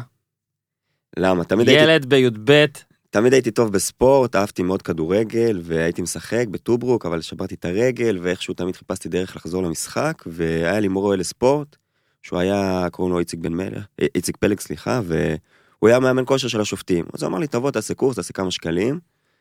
ומאז התגלגלתי, התגלגלתי. אה, בצבא נכנסתי לפרויקט המצוינות, שאז בדיוק אה, התחיל וקרם עור וגידים, ומאז אני 11 שנים בתחום, ולפני שנתיים וחצי עליתי ליגת על. אה, וזהו, זה, זה ככה בקצרה. אתה יודע שבעצם השופטים הוותיקים כבר די, שוב, אני לא, אני לא טוען שזה נכון, אבל כמו שציינתי נגיד שהיה למכבי תל אביב אז תלונות נגיד ליד, לכל שופט יש את הקבוצה שתיים שפחות כבר אוהבות לו מקרה עבר, או אתה יודע, אוהדים שיודעים, אה, מקללים אותו ספציפית. שופטים חדשים הבעיה היא, אה, אמנם אולי עדיין אין לך איזה... לוקח זמן עד שיש קבוצה שממש מסמנת והכל, אבל יש את הקטע האחר, הוא צעיר, זאת אומרת, בגלל שהוא צעיר וחדש, הגיוני שנזלזל בו, הגיוני שהוא טועה. אתה, תוך, תוך כמה זמן, מי שהתחלת, זאת השנה השלישית שלך בליגת העל, מי שהתחלת, שמת לב, ל, פתאום לבוסט ענק, לריקושטים ענקים, לוואלה, זה, זה, זה קשה, זה כאילו, שוב, העניין ה, מהקהל. אה, בוא נגיד ככה, בשנה, שנתיים הראשונות בליגת העל אתה הרבה פעמים אנונימי. כן. אתה שופט כזה, קבוצות, אה, בוא נקרא לזה יותר קטנות, מגרשים, משחקים פחות... אה, ושומעים עליך. רק אם טעית בענק. בדיוק. אין סיכוי שאתה נכנס לתוכניות, נגיד, בשער השבת לא ידברו עליך כזה, הוא הצטיין, מי- אתה יודע, אגב, גם אנחנו, כן. כן, מודה. לגמרי, זה משחקים שפחות מסוכרים, פחות קבוצות, פחות אוהדים, ואתה כזה די מתגלגל בליגה ביחד עם הקבוצות, ומקווה לעשות באמת כמה שפחות רעש, כדי כן. לצבור ולחבר כמה שיותר משחקים. אה, השנה באמת אני מרגיש את הש- את השדרוג, את השינוי. בין אם זה שבוע שעבר שפטתי מכבי חיפה נגד בית"ר ירושלים, אז בוא, אתה מקבל משחק שהוא אחר, שהוא גדול, שכבר יש, יש כבר דיבור סביב השופט, שזה כבר מעניין מי בא לשפוט, שזה כבר בודקים מה היה לך איתם לפני, מה היה לך איתם אחרי, מה קורה, מה זה פה. המשחק הכי גדול שלך, לא? כן, לגמרי. בוא נדבר עליו קצת. אה, בוא נדבר, אני- אני אני אדריך אותך על הלפני קודם, אתה מקבל את המשחק. פתאום אתה קולט, וואו, זה גם אגב באמת היה אחד המשחקים נגיד, הגדולים שהזמן האחרון, לא- לא בקטע של אחת ולקריירה תיקח אליפות, אלא באמת שתי הקבוצות האלה, זה שתי הקבוצות שכאילו, בא להן איזה משהו חדש, המשחק הזה אגב גם השפיע, נגיד הוא, אה, ביתר אה, קצת עכשיו אה, יצא מאיזה תמונה של שאנשים רוצים לצלם, ובצדק, מכבי חיפה חזרה כזה למעלה, ואגב, כל תוצאה היה לה אימפקט מאוד גדול, לפחות בעיניי, על אה, להמשך של העונות. היה משחק גם חם, לרוב זה, אתה, אתה בטח גם ידעת, עשית את ההכנה לפני, זה משחק אה, די גדול, יש בו לרוב גולים, יש לרוב אירועים. איך הרגשת שסיפרו לך בכלל שזה המשחק? אה, תראה, כשאתה מקבל כזה משחק, אתה מצד אחד שמח, כי אתה, זה, זה, בשביל זה אתה מתאמן, בשביל זה אתה קם בבוקר, בשביל זה אתה עובד כל כך קשה, וזה זה כאילו המהות של כל הדבר הזה. מצד שני, זה מביא איתו, מה שנקרא, סיר של לחץ, סיר של ציפיות, סיר של... אה, אני יכול להגיד שרק לפני המשחק דיברו איתי מעל 80-100 אנשים, כאילו. מה זה? כזאת. חברים שאוהדים את הקבוצות. חברים, אה, אנשים וזה, ועזוב בכלל כל הקללות וזה שקיבלתי כאילו לפני בפייסבוק, שזה כן. בדרך כלל מגיע אחרי, אבל המשחק הזה זה גם מגיע לפני. כאילו ו- פורסם השם שלך שאתה שופט כן, קללות. ואז מתחילים כתבות, והנה בא שופט צעיר ובא זה, ואז כבר אה, מגיע כזה גל של, אה, של אה, תשומת לב. אה, בסוף הרמה במשחקים האלה היא לא הרבה יותר גבוהה ממשחקים אחרים בליגה. ממש ככה. ההבדל הוא בלחץ, ההבדל הוא בציפיות, ההבדל הוא ב... היה משחק טוב אבל, היה היה משחק מהיר, טוב. וההבדל הוא פשוט בתוצאה של כל דבר. זאת אומרת, אתה יכול לבוא ולטעות במשחק רגיל, לצורך העניין, ויהיה לזה השפעה X, ואם אתה תעשה טעות במשחק גדול, אז זה נהיה הרבה יותר גדול, הרבה יותר חזק, הרבה יותר ויראלי, ויש לזה משמעות רגע, אז שם. היה את היד בסוף, מה אני מפספס עוד? היה עוד משהו, נכון? מה עוד היה? היה את היד שבאותו יום גם של סיטי ליברפול, ואז אנשים שאלו, אגב, כולל אני, למה זה יד ושם זה לא היה יד? אז קיבלתי את ההסבר, ששם הרי טענו שהייתה נגיעת יד של סילבה שהביאה לנגיעת יד ההיא. אה, פה גם נקראת, וזה, אני, אני חייב להגיד אגב, ואתה, שנינו נלך לפוליגרף שלא דיברתי על זה קודם, שלושתנו, אוקיי? אבל אני פה בפודקאסט הימרתי על שלוש אחת, לכן אני מודה לך, כן? אבל אין מה לעשות, אבל אה, מבחינת באמת, אז אחרי המשחק, אה, עד כמה הוא הכריע, הוא עשה, עד כמה שחקנים ומאמנים באו, עד כמה, הנה, דיברת על קללות בפייסבוק, מה היה אחרי זה? כי, האמת, כי אה, אצלך זה מעניין, אדלר בטח כבר רגיל, ולכן אה, כן יש איזה פיתח אור אה, עבה יותר. אתה זה פעם ראשונה שאתה נחשף בטח ל... לחסום את האינבוקס. האמת, במשחק הספציפי הזה, אין כל כך, לא היה הבדל בין 2-1 ל-3-1, זה היה נכון. פנדל היה 94 או 95, משהו בסוף. אני מודה שאני בבלקאוט עכשיו, אני לא זוכר אם היה, אני זוכר שהיה עוד משהו באמצע המשחק, אבל יאללה. היה נפילות ברחבה, אבל אה, לא משהו יותר מדי דרמטי. אוקיי. אה, בוא נגיד, אין הרבה הבדל בין ה- 2-1 ל-3-1, למעט כל מיני למעט אידיוטים כמוני. כן. כן. אגב, זה בדיוק זה גם, כן, גם בפנטזי עזרת לי, אבל בסדר. ובוא נגיד שאם הפנדל היה בתוצאה של אה, לה- להפוך את זה ל-2-2, מהמם. אז uh, אני בטוח שהשריקה הייתה מתקבלת הרבה פחות בקונצנזוס. ברור, ברור. והיו הרבה אנשים שאומרים שלמה הוא הלך, והוא כן היה צריך ללכת ולא היה צריך ללכת, וזה היה משהו שמדברים עליו הרבה הרבה הרבה הרבה יותר, כי בסופו של דבר, יכול להגיד שכשאני סיימתי את המשחק, הפנדל לא עניין כמעט אף אחד. שתי הקבוצות באו, היו מבסוטים ו- ופרגנו על השיפוט ועל הביצוע, ואני ברמה אישית, כן, התעצבנתי על עצמי שאומנם פספסתי אה, כזה אירוע משמעותי ווואלה, התבאסתי, אבל ב overall ובסיכום הכללי של המשחק, אני יכול להגיד שמבחינתי לקבל כזה משחק ולבוא ולהחזיר אותו בשקט, אוקיי, 2-1, 3-1, נכון שזה באסה, אבל החוויה הכללית הייתה מאוד חיובית ואני ממש נהניתי מהמשחק. איך בוא תספר, כי בטח יש שופטים אה, צעירים שעכשיו שמאזינים לזה. איך עוש... אה, מה, מה נותן את הקפיצה הזאת לליגת העל? אגב, אדלר, אחרי זה גם אתה יכול לענות, כי אתה עוסק בזה, אתה מלמד אותם הכל, אבל מה, מה הדבר הכי חשוב שנותן את הקפיצה? מ... אה, סבבה, אני שופט צעיר והכל, לשופט, אגב, הנה, אפילו הקפיצה הזאת, בתוך ליגת העל, כאילו, מה, מה, מה, המרכיב? אני חושב שבכלל בספורט, אבל בשיפוט בפרט, התכונה הכי, הכי, הכי חשובה, הכי מרכזית, זה לדעת להתמודד עם ביקורת. זאת אומרת, גם לדעת מתי הביקורת היא נכונה, היא עניינית, היא מקצועית, ולבוא ולהקשיב לדברים ב, בלב פתוח, ולבוא, ולבוא ולשפר את הדברים. ומצד שני גם לדעת מתי הביקורת היא לא עניינית, היא אישית, אם זה בתקשורת, אם זה על ידי אנשי כדורגל, אם זה גם עם אנשים במערכת שלנו, שלפעמים באים אה, לנסות להוריד, והמהות היא לדעת מתי להקשיב ולקחת את זה לתשומת הלב ו- ולהפיק מזה, כי שיפוט זה משהו שהוא נרכש, אף אחד כמעט לא נולד שופ- להיות שופט. זה לא כמו שחקן שאתה שם אותו בגיל 4 במגרש, הוא מתחיל לשחק והוא מתחיל להעביר ואיזה מסי כזה. שיפוט זה משהו שלוקח זמן להבשיל, משהו זמן שלוקח ללמוד.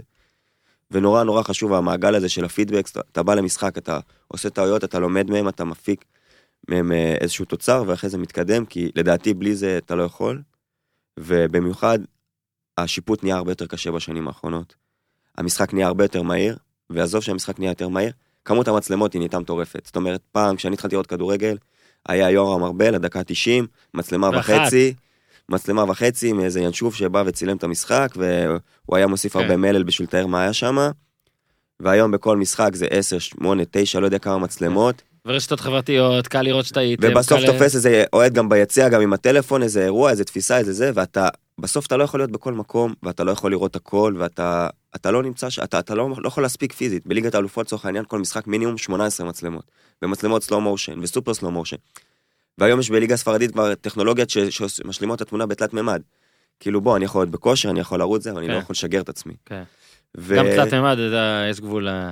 כן, אז בסוף התהליך הוא נורא נורא, כאילו, המצלמות הם הוסיפו הרבה טעויות שיפוט לצורך העניין, זה גם הסיבה שהיום אולי קצת שופט נהיה פחות מכובד מפעם, פעם השופטים היו מקבלים הרבה יותר כבוד, היום אנחנו כאילו טועים יותר.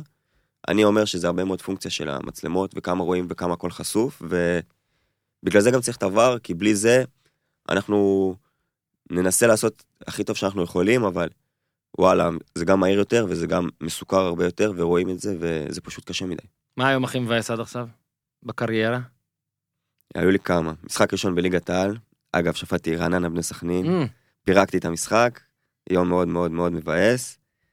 מה זה, מה, היה שם, אז את האדום? מה היה שם? היה שם איזה... היה, היה, היה הרבה דברים. כן. גול מנבדל שלא היה צריך להיות, איזה פנדל שפספס, היה שם, אצלנו נו, זה נקרא מטבוחה רציני. כן. מטבוחה. עכשיו, הנה, אז קורה משחק כזה, איך באמת, כאילו זה נראה אצל אנשים, ואני בטח, אני לא, אני, אני לא זוכר את היום הזה, אני משער שאחריו היה את, נגיד, את האיש טלוויזיה או זה, שאמר שהוא לא צריך. אה, יציע עיתונות בערב. כן, אמרו לשלוח הביתה? לגמרי. לא, לא לאמן, כן. לא לשפוט יותר? למרות שאני באופן אישי, במיוחד אחרי טעויות, סוגר את הטלוויזיה, סוגר את הטלפון. מנסה כמה שיותר להתנתק. זה מגיע לך בדיליי, אז יום מה, יומיים. קראו לך לפרוש? כן, אה, לגמרי. פרישה מוקדמת. אז איך באמת, אבל, אה, איך... איך, איך מגיעים למשחק. הבא, כן? בטח קיבלת איזה שבוע, שבועיים לנוח או משהו כזה, כמו שזה, אגב, אני גם נגד זה, אבל לא משנה. איך אתה מגיע למשחק הבא ולא מרגיש, טוב, אני, אני יכול רק לטעות עכשיו. כי זה מומנטומים בחיים. אה, קודם כל זה ניסיון, אין, כל- ניס- שיפוט זה אבל המון עוד המון לא היה המון לך. אז אתה... אה, אני. יכול להגיד שבאופן אישי אני עובד עם, יש לנו פסיכולוג צמוד באיגוד, ולי זה, זה תהליך שהוא מאוד תורם. אני מאוד אוהב אה, לבוא ולקבל טיפים ועצות מאיש מקצוע כן. שיש לו כבר את הניסיון. עוד המשחק הראשון, בגלל זה אני שואל, זה כזה מדהים. וכן, אתה עולה למשחק השני ואתה מקווה שיהיה טוב, נראה לי שגם לא היה כל כך טוב, אז לא כזה, לא, לא, לא, לא בדיוק זוכר, אבל אה, גם היה, היה אירועים והיה דברים ולא עבר חלק. והשלישי היה קצת יותר טוב והרביעי כבר כן. עבר בסדר, ואין מה לעשות, במיוחד הקפיצה מליגה לאומית לליגת העל היא מטורפת, גם פתאום לשחקנים זזים יותר גם, מה? וגם אה, במיוחד לשופטים, מאותה סיבה כמעט, זה המון המון המון עניין של צילום ומצלמות וזה בליגה לאומית, במקרה הטוב מצלמים את המשחק, היום כן. קצת יותר, פעם זה היה פחות. פתאום אתה עולה לליגת העל, 7-8 מצלמות, זה נראה אחרת, אתה פתאום רחוק יותר, פתאום זה מהיר יותר, פתאום זה הכל הפוך, ולוקח זמן לעשות את האדפטציה. אתה זוכר את המשחק הראשון שלך, אדלר, בכלל? אתה מבין? אה, אתה מבין? זוכר, כן, זוכר. מה. לטובה, לרעה? אה, היית בו טוב? כן, אני חושב שכן. בדרך כלל נותנים לשופט משחק ראשון בשנה שהוא נניח עוד לא עולה, הוא מועמד לעלייה, בסוף עונה, אתה יודע, יש איזה... 35, שכבר- בדיוק, איזה משחק כזה שהוא מעניין בעיקר את השופט. כי את השחקנים כבר רוצים לגמור את העונה, מקום כן. רביעי נגד שישי, כן. וככה אני חושב שעבר בסדר, קשה- אבל... קשה לך ממש ל- ל- לפרק. כן, כאילו, בדיוק, כי- בדיוק, כי זה ה- כבר... הוא כבר פורק, השחקנים כבר לרוב... אה, השחקנים כבר עם הראש בקיץ, אה, בחופש, בחוזה לשנה הבאה, והשופט בדרך כלל בא עמוס אנרגיה והתרגשות, והחוכמה היא לא להפריע למשחק כן. לעבור ב-level הנמוך שהוא מתחיל בו. אבל אני זוכר משחקים מהשנה הראשונה והשנייה, שיותר קשה להתמודד. יותר קשה, גם אם המשחק הוא... יותר קשה להתמודד, והולכים לכל מיני מקומות אה, פחות טובים, וכמו שדוד אמר, הניסיון זה חלק אה, נכבד בשיפוט. אה, כמה שאלות עכשיו שזה, נזוז קצת בין נושאים ובין הכל, אז מבחינת אולי, אה, האם השתנה הגבול, אה, אני קצת משדרג את השאלה של אה, ניר עמיאל, כי שאלתי אותך את זה פעם שעברה, השתנו עם השנים נגיד, השתנה בזמן האחרון הגבול, מה שאתם מרשים לשחקנים להגיד לכם, שיח שלכם עם שחקנים, אגב המקרה שלך, אני זוכר עם שכטר, דעתי היה מקרה שהוא מחא כפיים או משהו כזה בהתרסה או משהו כזה וקיבל על זה צהוב שני או משהו כזה, משהו בזה השתנה קצת? לטובה, לרעה, נגיד, יש לך גבול משלך, שמוגדר מראש. תראה, בחוק, בחוקת המשחק, היא לא הגדירה לשופט בדיוק מה זה, זה בגלל העלבה, זה השאלה טובה, אלא אה, בגלל זה. זה אני חושב שכל אחד צריך להביא את האישיות שלו ואת ההבנה שלו של המשחק. ויש דברים מסוימים שאנחנו צריכים לדעת כשופטים היום מילה פופולרית זה לדעת להכיל. זאת אומרת לדעת לקבל Mhm. ולהבין שזה דברים שקורים תוך כדי משחק, אמוציות של משחק, התרגשות של שחקנים, לחץ של שחקנים. ויש דברים מסוימים שכל שופט צריך לשים לעצמו את הקו האדום שלו, להגדיר מה מותר ומה אסור. אצלי היו כמה מקרים בקריירה שהחלטתי שזה אקט שהוא לא מתאים, הוא לא מקובל, ויצאו כמה אדומים כן, כאלה אבל אני אומר, ואחרים. עכשיו התרככת קצת, יש לי שינוי או שזה פשוט... לא, אני חושב שתמיד, אה, לפחות לגביי, ידעתי והבנתי שיש דברים שצריך לקבל. אני אומר, בגדול, כל דבר שזה ביני לבין השחקן, זה בסדר שזה יישאר שם, זה לא מעניין אף אחד, ואני אדע להתמודד עם זה ולסגור את זה. דברים שכולם רואים, וכולם מבינים, וכולם מרגישים שפגעו בך, פה אתה צריך יותר להתייחס בכובד ראש ולדעת אה, איך להתמודד איתם. מבחינת הזה, בוא נשאל אותך את זה, פוקסמן, על אה, כמה אנשים, אה, שחקנים, אולי מנצלים את זה שאתה חדש. שהיית ממש חדש ועכשיו אתה די חדש נגיד במשחקים המרכזיים. עד כמה אה, אתה אפילו אולי אה, שם לב שמדברים נגיד לאדלר ולליאני שונה מאשר אליך. כן, נגיד, אנחנו אה, רוצים מקרים ספציפיים גם. בוא נגיד השחקנים הם לא פראיירים, הם, אה, הם יודעים מי בא לשפוט, הם מכירים את האנשים בשמות, בפרצופים, יש להם, הם יודעים מה היה להם לפני, מה היה להם אחרי, הכל, הכל ידוע, ומה שנקרא גם זה פורום די סגור כזה, השחקנים בערך שופט, משחקים הרבה מאוד שנים ומכירים כבר את כולם.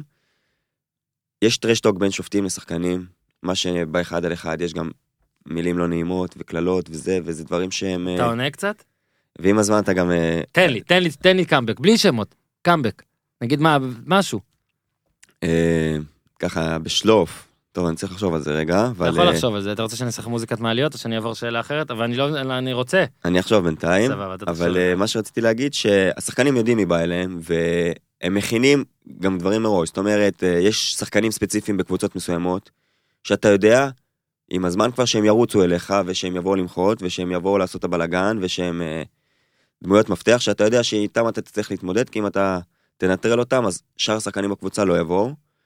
מצד שני, אם אתה גם אה, תשים עליהם דגש מיוחד, הם אה, עושים, אה, יודעים לעשות את, ה, את הניואנסים ואת הבלגן, וזה יכול לעשות גם סיטואציה הפוכה במשחק. אני עדיין מצפה למקרה ספציפי של קאמבק. גל מרקו שואל, מה עושים כדי לשמור על כושר? גופני וקוגניטיבי, ובוא תתחיל בג- בגופני. באמת, דבר, לקוני, תן לנו את זה על משקל, אדלר. אז קודם כל, אין לנו, אין לנו ברירה אלא לשמור על כושר. אה, קבעו לנו כמות אה, מבחני כושר השנה, שבערך יש כל... היום אה, או מחר, לא? מחר יש מבחן כושר, כן. או, אולי אחד היום, מהם לא היום יש יעבור. לה עוזרים, אה, מחר זה מבחן אה, מסובך מאוד. או, מחר זה מבחן חדש. רגע, רציתי, אני רוצה לראות את הפרק הזה בחמישי, אני מקווה שאחד מכם לא יהיה שופט עבר ביום חמישי. אז נג- נגיד שהיינו פצועים, אוקיי? סבבה, אוקיי. נביים פציעה. אוקיי, מבקש אה, ליפול. זה מבחן כושר אה, חדש שהולך להיות אה, מורכב ולא פשוט אה, לעבור אותו.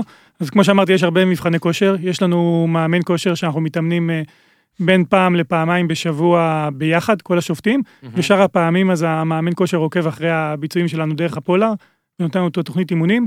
כן, היום אה, שופט, יש גם דרישות לגבי משקל, לגבי אחוזי שומן.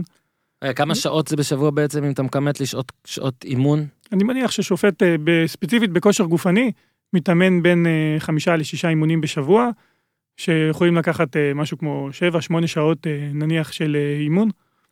אה, הדרישות הן אה, ברמה מאוד גבוהה, כן, יותר מפעם בוא נגיד. הרבה יותר אני חושב, שימו לב פעם לא שהם היה. די רזים כולם, די, אני אומר די סתם, הם רזים כולם. לא, לא, זה, אני אמרתי לך, יש לנו, לא סתם, מחר... כשאתה היה- היית רואה דקה 91 פוקס או לא, שזה היה לפני שלולדת שריר קצת, וכאלה. בוא נגיד שהיו שופטים כזה, אה, מרביצים עם הכרס כזה. אני יכול להגיד שיש היום אה, שופטים, שאם אתה עושה להם מדדים, יש להם מדדים של אה, ספורטאי עילית, כן. כאילו 10% שומן וכאלה, וזה לא לא בא ברגל. כן, הוא מתחמק, הוא מנסה לדבר על נושאים אחרים כדי לא לתת לי מקרה, אבל הנה עוד שאלה. אם הייתם יכולים לשנות, אה, שוב, זה קצת אדפטציה לאסף אה, שטנגל. אם הייתם יכולים לשנות איזה חוק, יכולים להמליץ כדי שאדלר לא יבוא ויגיד, אני לא, חוקה זה, זה קודש. אם יש איזה משהו שבאמת אתה אומר, טוב שישנו, טוב שיעדכנו, איזה חוק זה היה? איזה שקט. מה, אתם פחדנים? מותר להגיד, מה? אסור להגיד? אסור לך להגיד משהו שאתה חושב שצריך להשתנות? לא, אני, אני חושב שהחוק הכי מיוחד בכדורגל, הנה, מיוחד. וההת... לא, וההתערבות הכי אגרסיבית של שופט באיזשהו משחק כדור, בגלל זה גם אמרנו ששיפוט כדורגל הוא שונה מכל שאר התחומים, זה הנושא של כרטיס אדום. זאת אומרת, אין כמעט אף ספורט בעולם שיש בו נושא ש- כמו כרטיס אדום שנותן יתרון אה, קבוע לקבוצה לאורך כל המשחק מנקודת אה, מסוימת ואילך. קח דוגמה כדורסל, כדורעף, מהמם. כדוריד, שחקן מסוים יורחק, אז או שבכדוריד הוא יחזור אחר כך, או שבשאר הענפים פשוט ייכנס שחקן אחר וישחק. זאת אומרת, ההתערבות הכי אגרסיבית בעולם השיפוט, כדורגל בכלל, בעולם כדורגל בכלל, לדעתי בכלל אולי במשחקי הכדור, זה הנושא של כרטיס אדום. זאת אומרת שמשאירים קבוצה עם עשרה שחקנים, תשעה שחקנים או שמונה שחקנים אפילו. די נגמר. אה, כאילו אתה די גומר משחק, בדיוק, למרות ש... זה, זה משנה, זה, בדקה הראשונה אתה יכול לתת כרטיס אדום, אני עכשיו אומר כצופה מהצד, ולשנות לגמרי את המשחק, אני הייתי כן. במשחק, אה, אגב, אמר- ויטור למשל זה משמעותית שינה. בעיניי, הרחקה של שחקן אחד לא צריכה בכ... כאילו להיות כל כך דרסטית והיא הרבה פסיכולוגית שאנחנו, אין, אבל ראית אייקס צ'לסי למשל, אני, אני הייתי באמת- כצופה, אורן, בגמר אה, ליגת האלופות, כצופה, בין, אה, במשחק אה, בין ארסנל לברצלונה, Mm, בדקה העשירית הורחק יאן סלמן, השוער כן. של ארסנל. כצופה במשחק שבא ליהנות מהמשחק, אני אומר לך שהאירוע הזה פגע לגמרי במשחק ושינה אותו לחלוטין. כן. ניסו לשנות את זה קצת, לא עם החוק המשולש. בעקבות ו- האירוע הזה, שינו את החוק, ואז, ב, ואז בגלל שבאותו אירוע גם הופקע שער, אז ב, נניח שאם האירוע הזה היה קורה שנה אחר כך, השוער לא היה מורחק, הוא היה נשאר במשחק, כי הבינו שזה מפריע ששחקנים מורחקים, ניסו לשנות את זה כמו שאתה אומר עם החוק המשולש.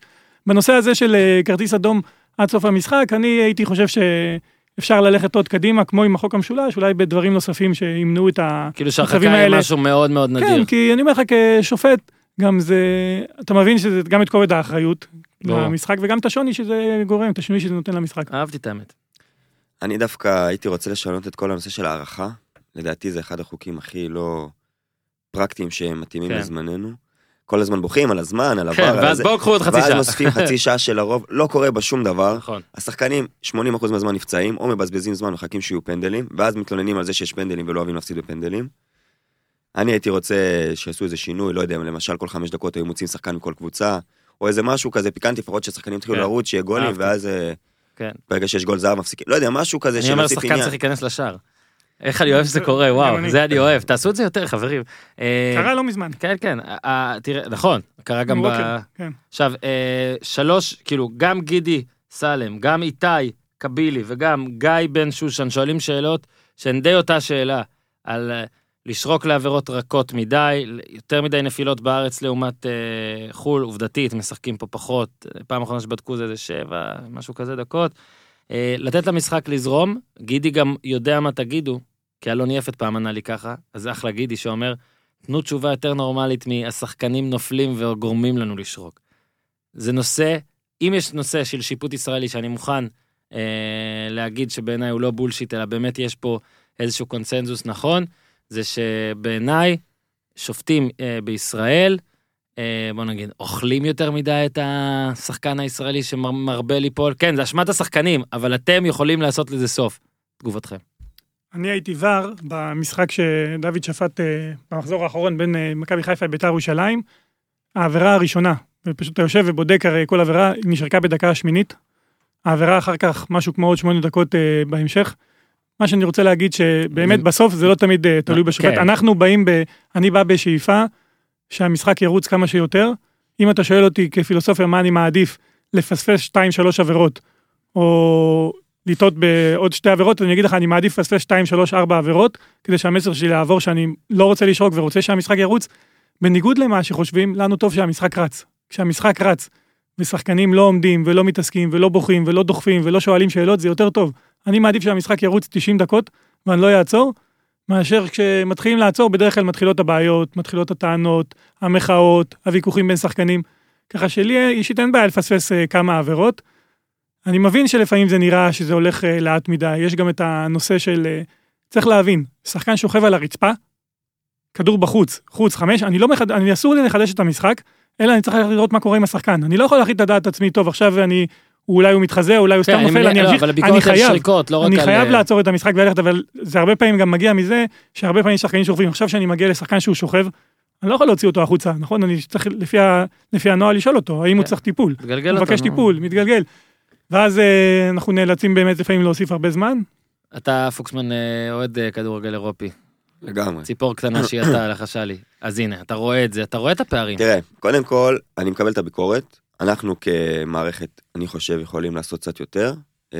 אנחנו צריכים לשרוק אולי טיפה פחות לפעמים, ולנסות ככה לגרום למשחק להיות יותר מהיר.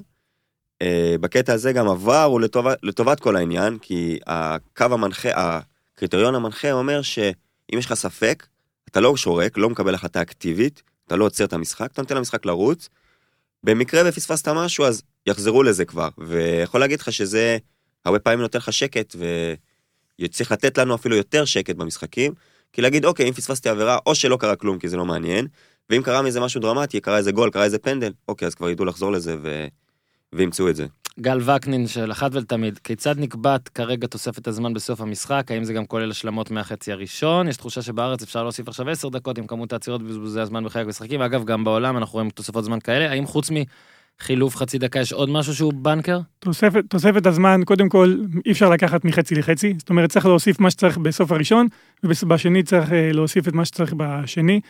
היום אה, הנוהל הוא ששופטי עבר מודדים את משך הזמן שהם עצרו במשחק, ולפני הדקה ה-90 שופט עבר מעדכן את השופט כמה זמן מבחינתו צריך להוסיף רק על הנושא של עבר, רק על הנושא של אוקיי. הבדיקות ואז אתה והשיגעו את המשחק, ואז צריך להוסיף את הנושא של אה, פציעות וחילופים, ולהגיע לא, למשפט. אבל חילוף זה חצי דקה, נכון? ככה אמרו חילוף- לנו. חילוף זה חצי דקה בגדול. יש כן. עוד משהו כזה שהוא בנקר כזה, זה... לא, ברגע זה- שיש אה, פציעות, צריך לקחת. אותם. לא עוצר את השעון, אבל צריך לקחת את הזמן של הפציעה. ברגע שאני מכניס טיפול, אני מסתכל, ומתי בעצם אני חודש את המשחק, וצריך להוסיף את זה. אני תמיד אומר, אגב, שהשיטה הכי טובה למניעת בזבוזי זמן היא לתת עונשים של תוספות זמן.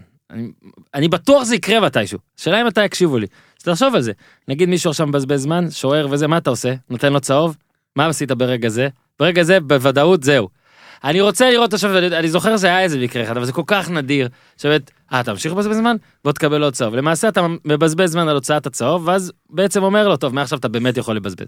למה שלא פשוט תש, תש, תסמן, נגיד איזה אחד או שתיים, ולכל דבר כזה, כמובן שזה יהיה אבל מוגדר. אתה. אבל אתה יודע מה בסוף קורה. השוער שבזבז זמן, הקבוצה שלו הבקיעה גול ומובילה. נו, בסדר. מה הבעיה? לא, סליחה, הקבוצה שלו ספגה גול. כן, ספגה גול, ועכשיו היא ביתרון, ואז תיתן לו את הפרס על הזמן מהר, של ה... פתאום מהר. לא, בסדר. תזרמו איתי, לדעתי זה יהיה טוב. אה, שואלים פה אה, כמה קינאתם בריינשרייבר על ששפט את אה, ארגנטינה אורוגוואי. כמה, השאלה היא של אורי מילר, לאיזה מרחק וסנטימטרים העיניים יצאו החוצה. יש, היה, היה קצת... אני לא יודע אם זה קנאה, אבל זה, בוא נגיד, אין, כל אחד שמתחיל לשפוט, ובכלל ספורטאי הישגי, זה, זה המטרה, להגיע לבמה כמה שיותר גדולה, וכמובן שמסי זה כנראה השחקן הכי גדול בהיסטוריה, ואתה רוצה להגיע לשם. ריינשרייבר התעמת איתו קצת. אה, וכל הכבוד לרוי, היה, היה מצוין. אה, אתה קינאת? לא. פחות. כן, אתה, הוא בגישת לא. הידידות... אה, אמרתי לך לפני, ידידות זה קצת פחות, אבל ברור שזה כיף לשפוט משחק כזה ושחקנים כאלה. ואני שמח שהוא הצליח. שואלים מה היה גם נבדל של קוואני, מעולה, זה כזה, יש פה גם... אוהד מכבי חיפה, פוקסמן, אני מבקש, כתב את זה דווקא יפה, פוקסמן יסביר בבקשה את טעויות עבר במשחקי מכבי חיפה, אני רוצה הסבר מנומק. אז רגע, על אחד נגענו? לא, על הפנדל דיברת, דיברתם על... מה עוד היה? מה עוד היה? היה עוד משהו. היה מקרה שנוי במחלוקת עם אה, מבוק השנה שעברה. אני הייתי באמצע, זיו היה בVAR, וזה היה במחזור הראשון שהכניסו את הVAR, והיה פאול של אה, מבוקה על חזיזה, זה באותה כן. קבוצה. אה, אני פספסתי את זה במגרש, לא שרקתי בכלל.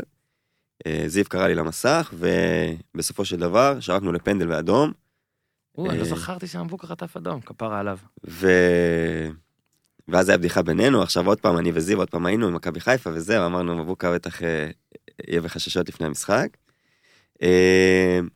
בדיעבד הפנדל הזה גמר את המשחק, שתיים, נראה לי סילבסטר הבקיע פנדל ואז היה 2-0 ו... ודי הכריע את התוצאה. אז סומנת. אז כן, משם התחיל הרומן עם מכבי חיפה. כן, יש פה שאלות שמראות על רומן. אה, כן. אני דווקא אומר... אבל נראה לי ביום, אה, ביום ראשון אה, כזה קצת הסתדרנו. קצת. טוב, דיברנו על הערך הספורטיבי בנבדל של סנטימטר בודדים.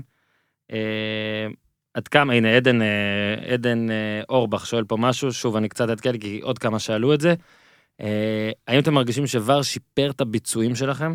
עכשיו הכוונה היא לביצועים עוד לפני אה, כן ורו, או שמהפחד נגיד לטעות ולגלות שטעית ושכל המדינה תגלה שטעית וכל המקרים הגבולים, גורם לכם דווקא להיות יותר הססנים, קצת לחכות אפילו עם אה, שריקה, כי אולי תהיה איזו התערבות. תראה, בכל ההכשרה שעשינו בנושא של עבר, לא דיברנו ולא למדנו מספיק על הנושא הפסיכולוגי שיש כאן. עכשיו, לבוא אחרי עשרה מחזורים ולהגיד אם זה שיפר או לא, זה יהיה קצת אה, כן. מהיר מדי, כי סך הכל כל אחד שפט ארבעה, חמישה, שישה משחקים, נכון. אז אה, מעט מדי, אבל בפירוש יש כאן היבטים שנצטרך אה, ללמוד אותם, לחשוב עליהם. קח דוגמה קטנה אפילו, לאו דווקא שקשורה לשאלה. בדרך כלל כשאתה לומד לשפוט ומתקדם ובליגות נמוכות, אומרים לנו שלהיות סמכותי ובטוח בעצמך ולשדר שאתה לקחת את ההחלטה הכי נכונה, לשדר לכולם, זה מה שימכור את ההחלטה, כאילו, למכור אותה בצורה יותר טובה. עכשיו היום כשאתה רואה שחקן אה, נופל, פעם שופט היה עושה לו עם הידיים קום קום קום, מה אתה עושה פה הצגה? עכשיו אתה יכול לעשות את הקום קום קום, אחרי דקה אתה תרוץ חזרה ותחזיר לו, תחזור עם פנדל, זאת אומרת, לדעת גם איך להתייחס לזה, איך לבוא ולהגיד, אוקיי, זה מה שאני ראיתי עכשיו, אבל תכף יבדקו ונדע אם זה היה נכון או לא. זה כל מיני היבטים פסיכולוגיים כאלה שאתה צריך לחשוב עליהם, אתה לא יכול לבוא ולהגיד, אני בטוח עכשיו ב-100% או לשדר שקיבלת את ההחלטה הכי נכונה, ואחרי 20 שניות תהפוך אותה. אה, אלעד מוטי שואל איך אירוע כמו מרפק אה, של שחקן, נגיד למשל המשחק האחרון של הפועל לא נבדק בVAR או לא מקבל התייחסות כלשהי, אתם רוצים שאני אענה לו? אז אלעד הכל נבדק, נכון? כאילו זה נבדק. פשוט נבדק, אולי פשוט החליט- לא- החליטו לא לא לשנות. במקרה אבל- הספציפי השופט אה, VAR חשב שזה יכול להיות בין צהוב לאדום, ובגלל זה לא קרה... אבי חג'אג' עם שאלה אישית, אבל על לאווט, תשאל את פוקסמן האם הלימודים באורט לייבוביץ' חישלו אותו. נראה נראה מחושל. לגמרי, זה מחושל? כמו טירונות לחיים. זה סיכון, זה סיכון מחושב. אה, פה פה פה פה פה פה פה. וואו, כמה שאלות. שמע, אני מבסוט על ה- מבסוט על האנשים פה. אה, יש, יש, אגב, יש פרופיל שנקרא בפייסבוק איגוד השופטים מגבה דברים. שכאילו כנראה בגלל שבאיגוד באמת מגבה, אז אומר, אין לנו שאלה, רק תמסור שאנחנו אה, אוהבים אותם אה, ומגבים אותם. על אה, מחנאות באיגוד השופטים, שואלים פה, עכשיו דיברנו על זה קצת בשאלה שלי, על אה, האם ור, אתה יודע, יש מישהו שאולי קצת מתחרה בך והכל, אבל אני הופך את השאלה הזאת לכללית יותר. האם אתם מרגישים שהנושא דעך, או שהנושא לעולם לא ידוך, כי זה תחרות כזאת, וזה פשוט משהו שאין איך לפתור. תחרות של בן אדם על שישה מקומות. אה, עד כמה אתם מרגישים, אתה יודע, אני יכול לספר לכם שאני אני חושב שבכל עבודה יש את זה, השאלה היא במינון. איפה אתם מרגישים שזה נמצא עכשיו באיגוד, בסגל שלכם? איפה שיש, אה, כמו שאמרנו מקודם, איפה שיש חבר'ה צעירים ויש מספר מקומות למטה ומספר משחקים אה, נגיד יותר יוקרתיים, תמיד תהיה תחרות, ותחרות היא גם, אה, צריך לקחת אותה לכיוון טוב. זאת אומרת, כל אחד רוצה להשתפר ולהיות יותר טוב. התפיסה שלנו שמי שעולה למגרש, עולה כדי להצליח לעשות את המקסימום, באיזה צוות ואיזה תפקיד שהוא לא יהיה, ובזה אני בטוח. תחרות היא תחרות לדעתי כמו שיש בכל קבוצת כדורגל או קבוצת ספורט על מקום בהרכב, על להיות הקפטן, על להיות ה... זה שלוקח את הזריקה האחרונה בשנייה האחרונה בכדורסל. אה, כ- לא משהו אחר. אתה, פוקסמן? אני ממרום גילך? אני עוד לא- עוד לא חוויתי מה אתה שהיה כולם לפני. יורדים עליך ואתה לא יודע את זה אפילו. כן, לגמרי. אה, אה, טוב, יש פה כבר כמה בקשות, מה שאתם תרצו לענות על זה. אה, באנגליה המקרה באמת של סיטי ומה שהיה עם אה, טרנט אלכסנדר ארנולד. שתי נגיעות יד למעשה היו, אבל הנגיעה הראשונה אולי היותר... אתם רואים את המקרה הזה, גם אם לקח זמן, אבל פעם ראשונה בווידאו. אה, אגב, גיבו את המקרה, נכון? אה, כן. איגוד השופטים מגבה דברים האנגלי. אז אה, מה אתם, מה אתם חושבים שאתם רואים את זה? האם, בוא דבר איתי גם אפילו לא על, רק על צדקות ההוא, אלא איזה מקרה מורכב זה, וכאילו, האם בכלל אפשר להיות צודק במקרה כזה? בסופו של דבר, גיבו את ההחלטה, והלכו עם השופט, וזה בסדר גמור, אבל עדיין, שבוע אחרי, עדיין מדברים על המקרה, וסימן שיש בעיה עם, ה, עם ההחלטה שהם לקחו. אה, מבחינה מקצועית, אה, מה שנקרא גרידה, אני נוטה דווקא לתמוך יותר בשריקה לעונשין, זה ככה דעתי האישית. אה, יכול להיות שאם אני הייתי יושב שם בVAR, אז אולי הייתי כן מתערב. אבל אני לגמרי מבין אנשים שטוענים שלא. בסופו של דבר זה מתקשר למה שדיברנו מקודם, שהחוק היום הוא נורא נורא, במיוחד בנגיעות יד, הוא נורא נתון לפרשנות, הוא משאיר כן, הרבה מקום שאמרנו. לשופטים, בעיה. ובנוסף לזה שלכל שופט יש את האינטרפטציה האישית שלו לחוק, יש גם נושא של תרבות. זאת אומרת שפאול באנגליה ופאול בישראל הוא לא אותו פאול. זאת אומרת ש-80% מהדברים שישרקו אולי בארץ, באנגליה לא ישרקו, ומצד שני, כל אה, מחאה או כל איזה מילה לא יפה לשופט באנגליה, תגרור אה, תגובה ציבורית ו- והקנטה, ואנשים שם לא אוהבים אה, שמדברים נגד המקצוע, אז בסוף השיפוט הוא גם חברתי ותרבותי, ובספרד מתייחסים לזה אחרת, ובאיטליה נורא אוהבים להשתמש בעבר, ובכל מקום לוקחים את זה בהתאם לאופי ולתרבות של המדינה.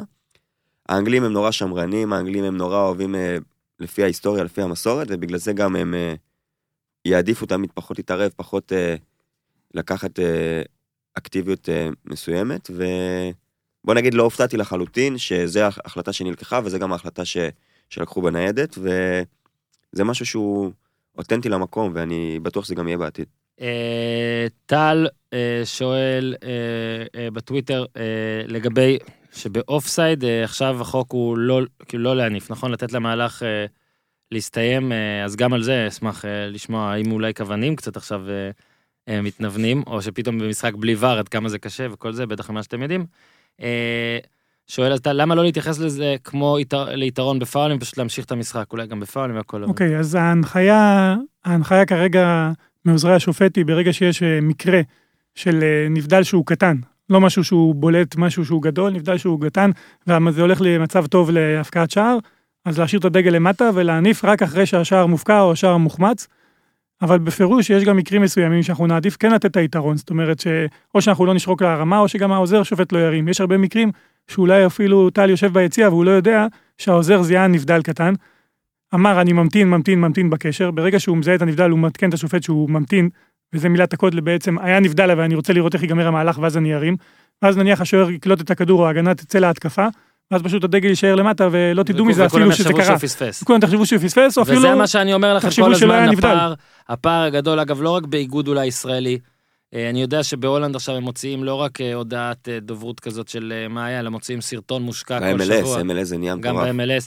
לדעתי זה יעזור, זה יעזור גם לכם, אני, אמ- אני אמרתי את זה גם לכל מי שרוצה לשמוע, והעניין הוא שיש פה פער גדול בין... אה, אגב, מש- אני חייב להגיד שבהתחלה, כשרק עשו פיילוטים לבר, אז אה, הכוונים לא הרימו את הדגל בסוף המהלך, ודווקא הקבוצות התלוננו. למה? כי הגיע כדור שחקן הגנה, הוא התחיל לצאת למתפרצת, איבד את הכדור, יצא מזה גול.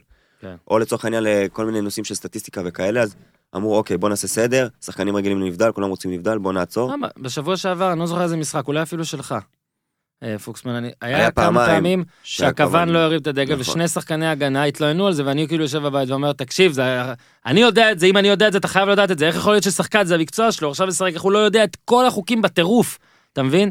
איך הוא לא, הרי אתם, הנה, הוא וזאת, יודע, הוא יודע, הכל וזאת- עניין של לחץ והכל? עניין של... אתה חושב? לגמרי, אני חושב שאת הרמה הם לא יודעים. אני באופן אישי, לא, את הרמה הספציפית אולי הם לא יודעים, את הרמת דגל, לא יודע, זה היה נראה הם כאילו... יודעים הכל, הם אה, חיים את המשחק full time.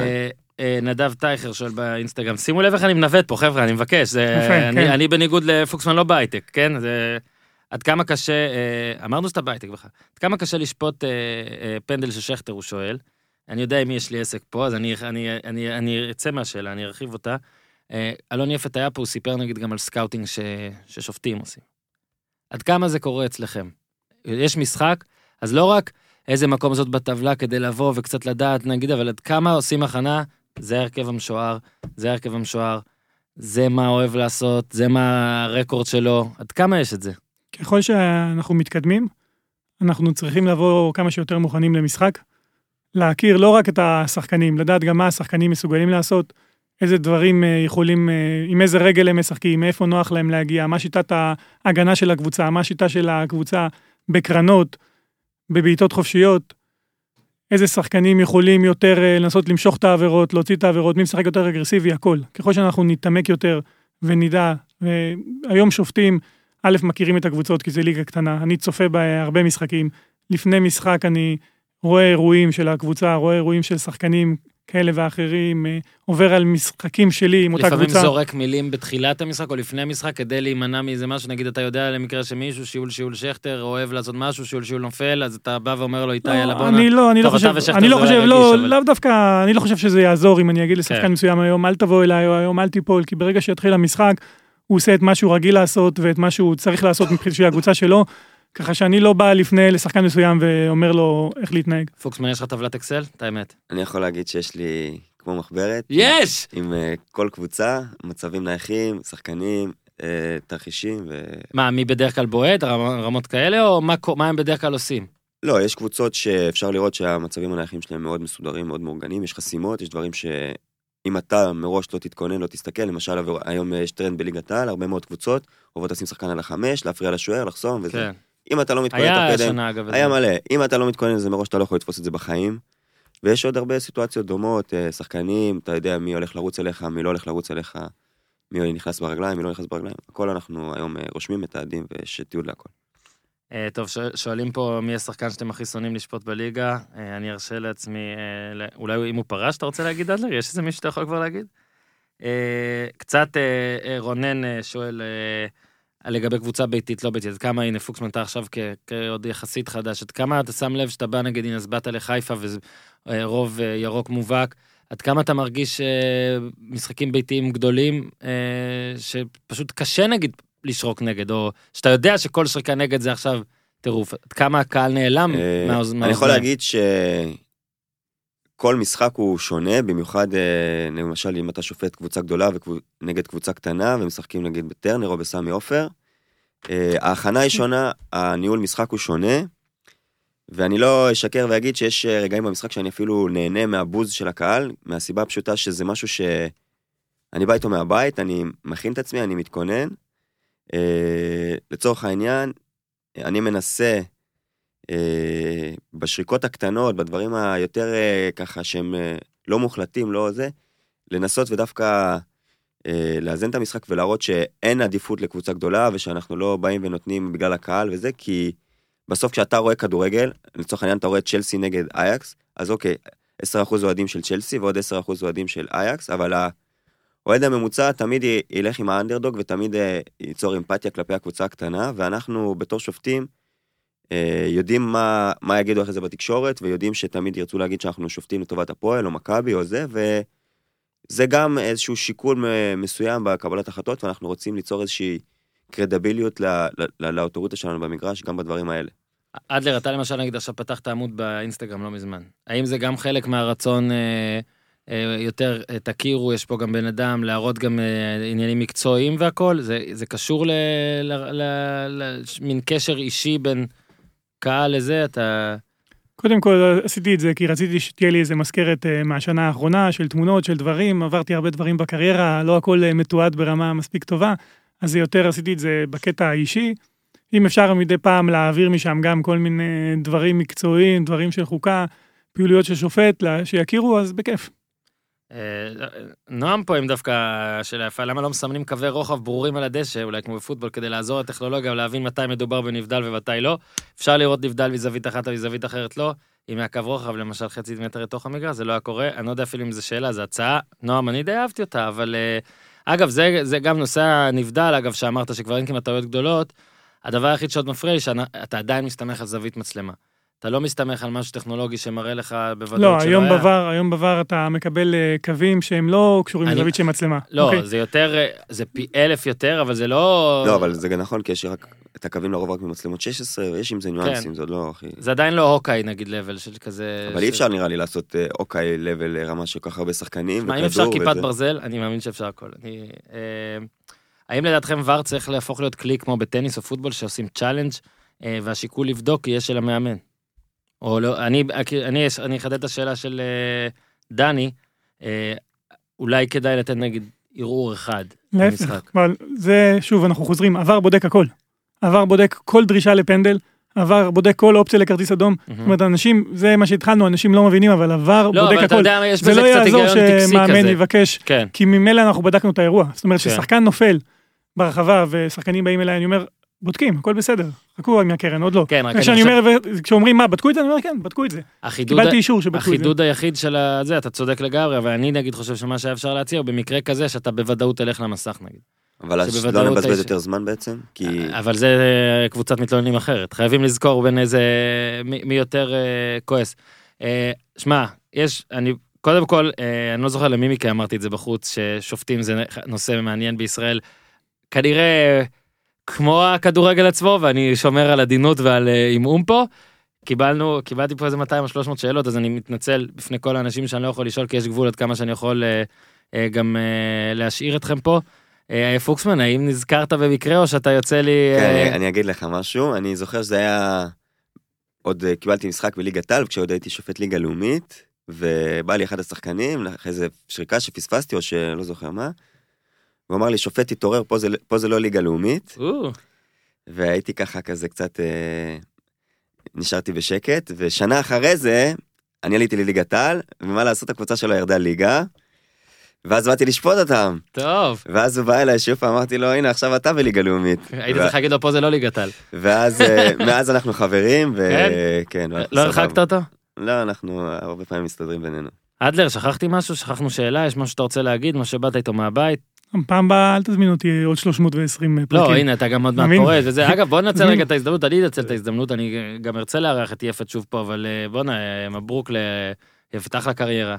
אה, אולי אחד הראשונים, אתה יודע, אה, שבאמת, אה, שוב, אני, זה הדור שאני התחלתי כאילו לעקוב והכל, הייתי בסוף של הדור הקודם, כשהתחלתי לראות כדורגל, לצפות בכדורגל, אבל הוא באמת אה, בעיניי לפחות אחד הגדולים. אה, ואם אתם רוצים לפרגן, אני לא יודע. אני לא יודע כן. באיזה מחנה אתם. לא, לא, לגמרי. כשאני התחלתי לשפוט, התחלתי רק, התחלתי להיכנס, נכנסתי לאיגוד השופטים, עשיתי צעדים ראשונים, הוא כבר לדעתי היה אחד הבכירים. וזה מדהים שעוד אה, הספקנו לשפוט ביחד ולהיות הרבה פעמים אה, ביחד. אני גם הייתי חלק מצוות שלו לחו"ל, ולי יצא טוב בקריירה שנושא שופטי הרחבה היה בדיוק בשיא של הקריירה שלי, אז יצא לי עשרות משחקים בחו"ל, וחלק גדול מהם עם יפת, ואני אומר לך ששם הוא הפגין רמת שיפוט אה, גבוהה מאוד בכל משחק שהוא הגיע. הייתה לו, היה לו שם מאוד מאוד טוב בוופא, שפט משחקים מעולים, היינו ביחד בליברפול ונפולי והמון אה, משחקים מעניינים וקבוצות טובות. אני חושב שכן, הוא עשה קריירה מפוארת, אל- ארוכה.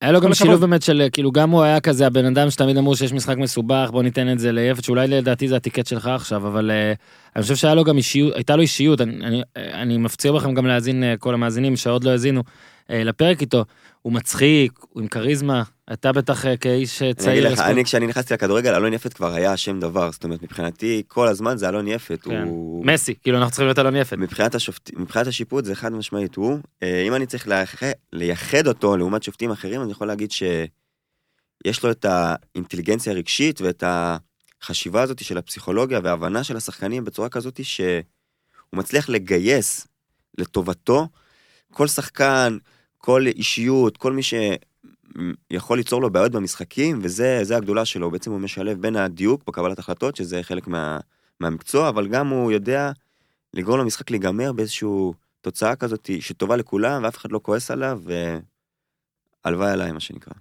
טוב אז אה, באמת אה, אלון יפת אה, מברוק ועכשיו הוא בVAR לא הוא גם לא. לא בVAR הוא בוועדה. המקצועית כן. ואתה אתה אמרת אדלר שאולי בעתיד יוכלו לשפוט VAR גם השופטים שפורשים אז הנה מעריך אולי- שכן. אולי גם את זה יוכל אגב עיתונאים יכולים. לא, אתה לא יכול גם בוועדה ליום וגם בוועדה. לא- לא אני אני רוצה להיות בVAR פעם אחת אני רוצה לבוא ככה להרוס למישהו. אני אשמח שתבוא פעם אחת יכול ותראה איזה עבודה... אני יכול לבוא ולהיות זבוב על עבר אנשים חושבים שזה, לא אמרנו, אנשים חושבים שזה עבודה קלה. מה, אני אראה בVAR, אני אקבל את ההחלטה, אני אומר לך ששם זה קשה מאוד, מאתגר מאוד, מרתק. אני כבר הספקתי לטעות אה, פעם אחת בVAR, רובנו הספקנו כבר לטעות, אה, אולי לקחת, אה, שהיינו צריכים לשנות החלטה או לא לקרוא, כי זה קשה מאוד, ונשמח שתבוא פעם ותנסה ותבין כמה זה קשה לקבל את ההחלטה. אני, יכול להגיד באמת שאני גם כשעוד הייתי, אה, בוא נגיד עיתונאי צעיר, לא שעכשיו אני ותיק, אבל כשהייתי ממש ממש חדש, אז אה, היה לי יותר קל אה, לבקר שופטים, וזה משהו שעשיתי סוויץ', אגב, אולי בר- ברגע שבאתי לסדנה הזאת בפעם הראשונה, אבל לדעתי גם קצת לפני זה, שבו הבנתי שזה דבר מאוד מאוד קשה. ואיפה שמשהו מאוד מאוד קשה, אני לקחתי צעד אחורה, לפחות בביקורת, אני מנסה קודם כל לבוא ממקום של הבנה. אגב, אתם עדיין עושים טעויות, אתם תעשו טעויות. גם אם עברתם תעשו טעויות. פוקסמן, אני בטוח שמכבי חיפה תכעס עליך, ואני בטוח שמצד שני גם היא תאהב החלטה שלך. ואני פשוט חושב שהמטרה, אולי גם של תקשורת פה קצת, היא כמובן לדווח את כל האמת, ותמיד, ושצריך לבקר ולהיכנס בהכל, אבל צריך גם להבין מה זה ולהבין כמה קשה זה. אה, ו- וכן, ולהבין שאנחנו צריכים בכל הכוח, בעיניי, כן, אני לא מדבר עכשיו על קהל, קהל שיעשה מה שהוא רוצה, זה כיף, זה fun בשבילו, ש- שיקלל, שיגיד ששופט עלה לו במשחק, אין לי בעיה עם זה. אבל בתקשורת אה, עדיף כזה, לדעתי, אה, לנסות כמה שיותר שהשופט לא יהיה סיפור המשחק. באמת, בחירוף נפש. אה. ו- ואם פעם הייתי נופל לזה יותר, אני עכשיו, בוא נגיד שעכשיו צריך לקרות משהו מאוד מאוד מאוד מאוד מאוד מאוד קיצוני, כדי שהטור שלי יתבסס על שופט. אה, קיצוני. ואני חושב שזה עבר עוזר לזה. אה, לגמרי. כן, אז אה, בנאום זה נסיים. אדלר, סבבה? תבוא אז בעוד אה, 319 פרקים, פוקסמן. אתה, ברוך השם יש לנו זמן. אתה גם שנהיה בפור ספרתי, אתה תבוא. אבל אה, בסדר, תודה רבה לאיתי, לא יצא לכם עם גיזם פה, ואת זה נתקן, בVAR נוסיף אותה. אה, כל שאלות והכל תמשיכו לשאול, נקבץ אה, סשן שאלות לפעם הבאה. זה לדעתי גם טוב שהקהל שואל אתכם, שאוהדים שכועסים אה, שואלים. אה, אז לכל הקבוצות, אה, אה, אף, אף אחד פה לא שונא את הקבוצה שלכם באופן אישי. אה, בדקתי קצת, עשיתי גם חקר אה, לפני השידור. אה, להאזין, יש פרק עם אדלר מפעם, אם אתם רוצים להאזין, להאזין יש אלון יפת. אה, וכל הפרקים שדיברנו אה, בפתיח, וגם הכל, שיהיה לכם סוף שבוע נעים, ותעשו טוב, ו- ויאללה, בואו לבר, אה? תודה רבה, חברים. יאללה, ביי. תודה.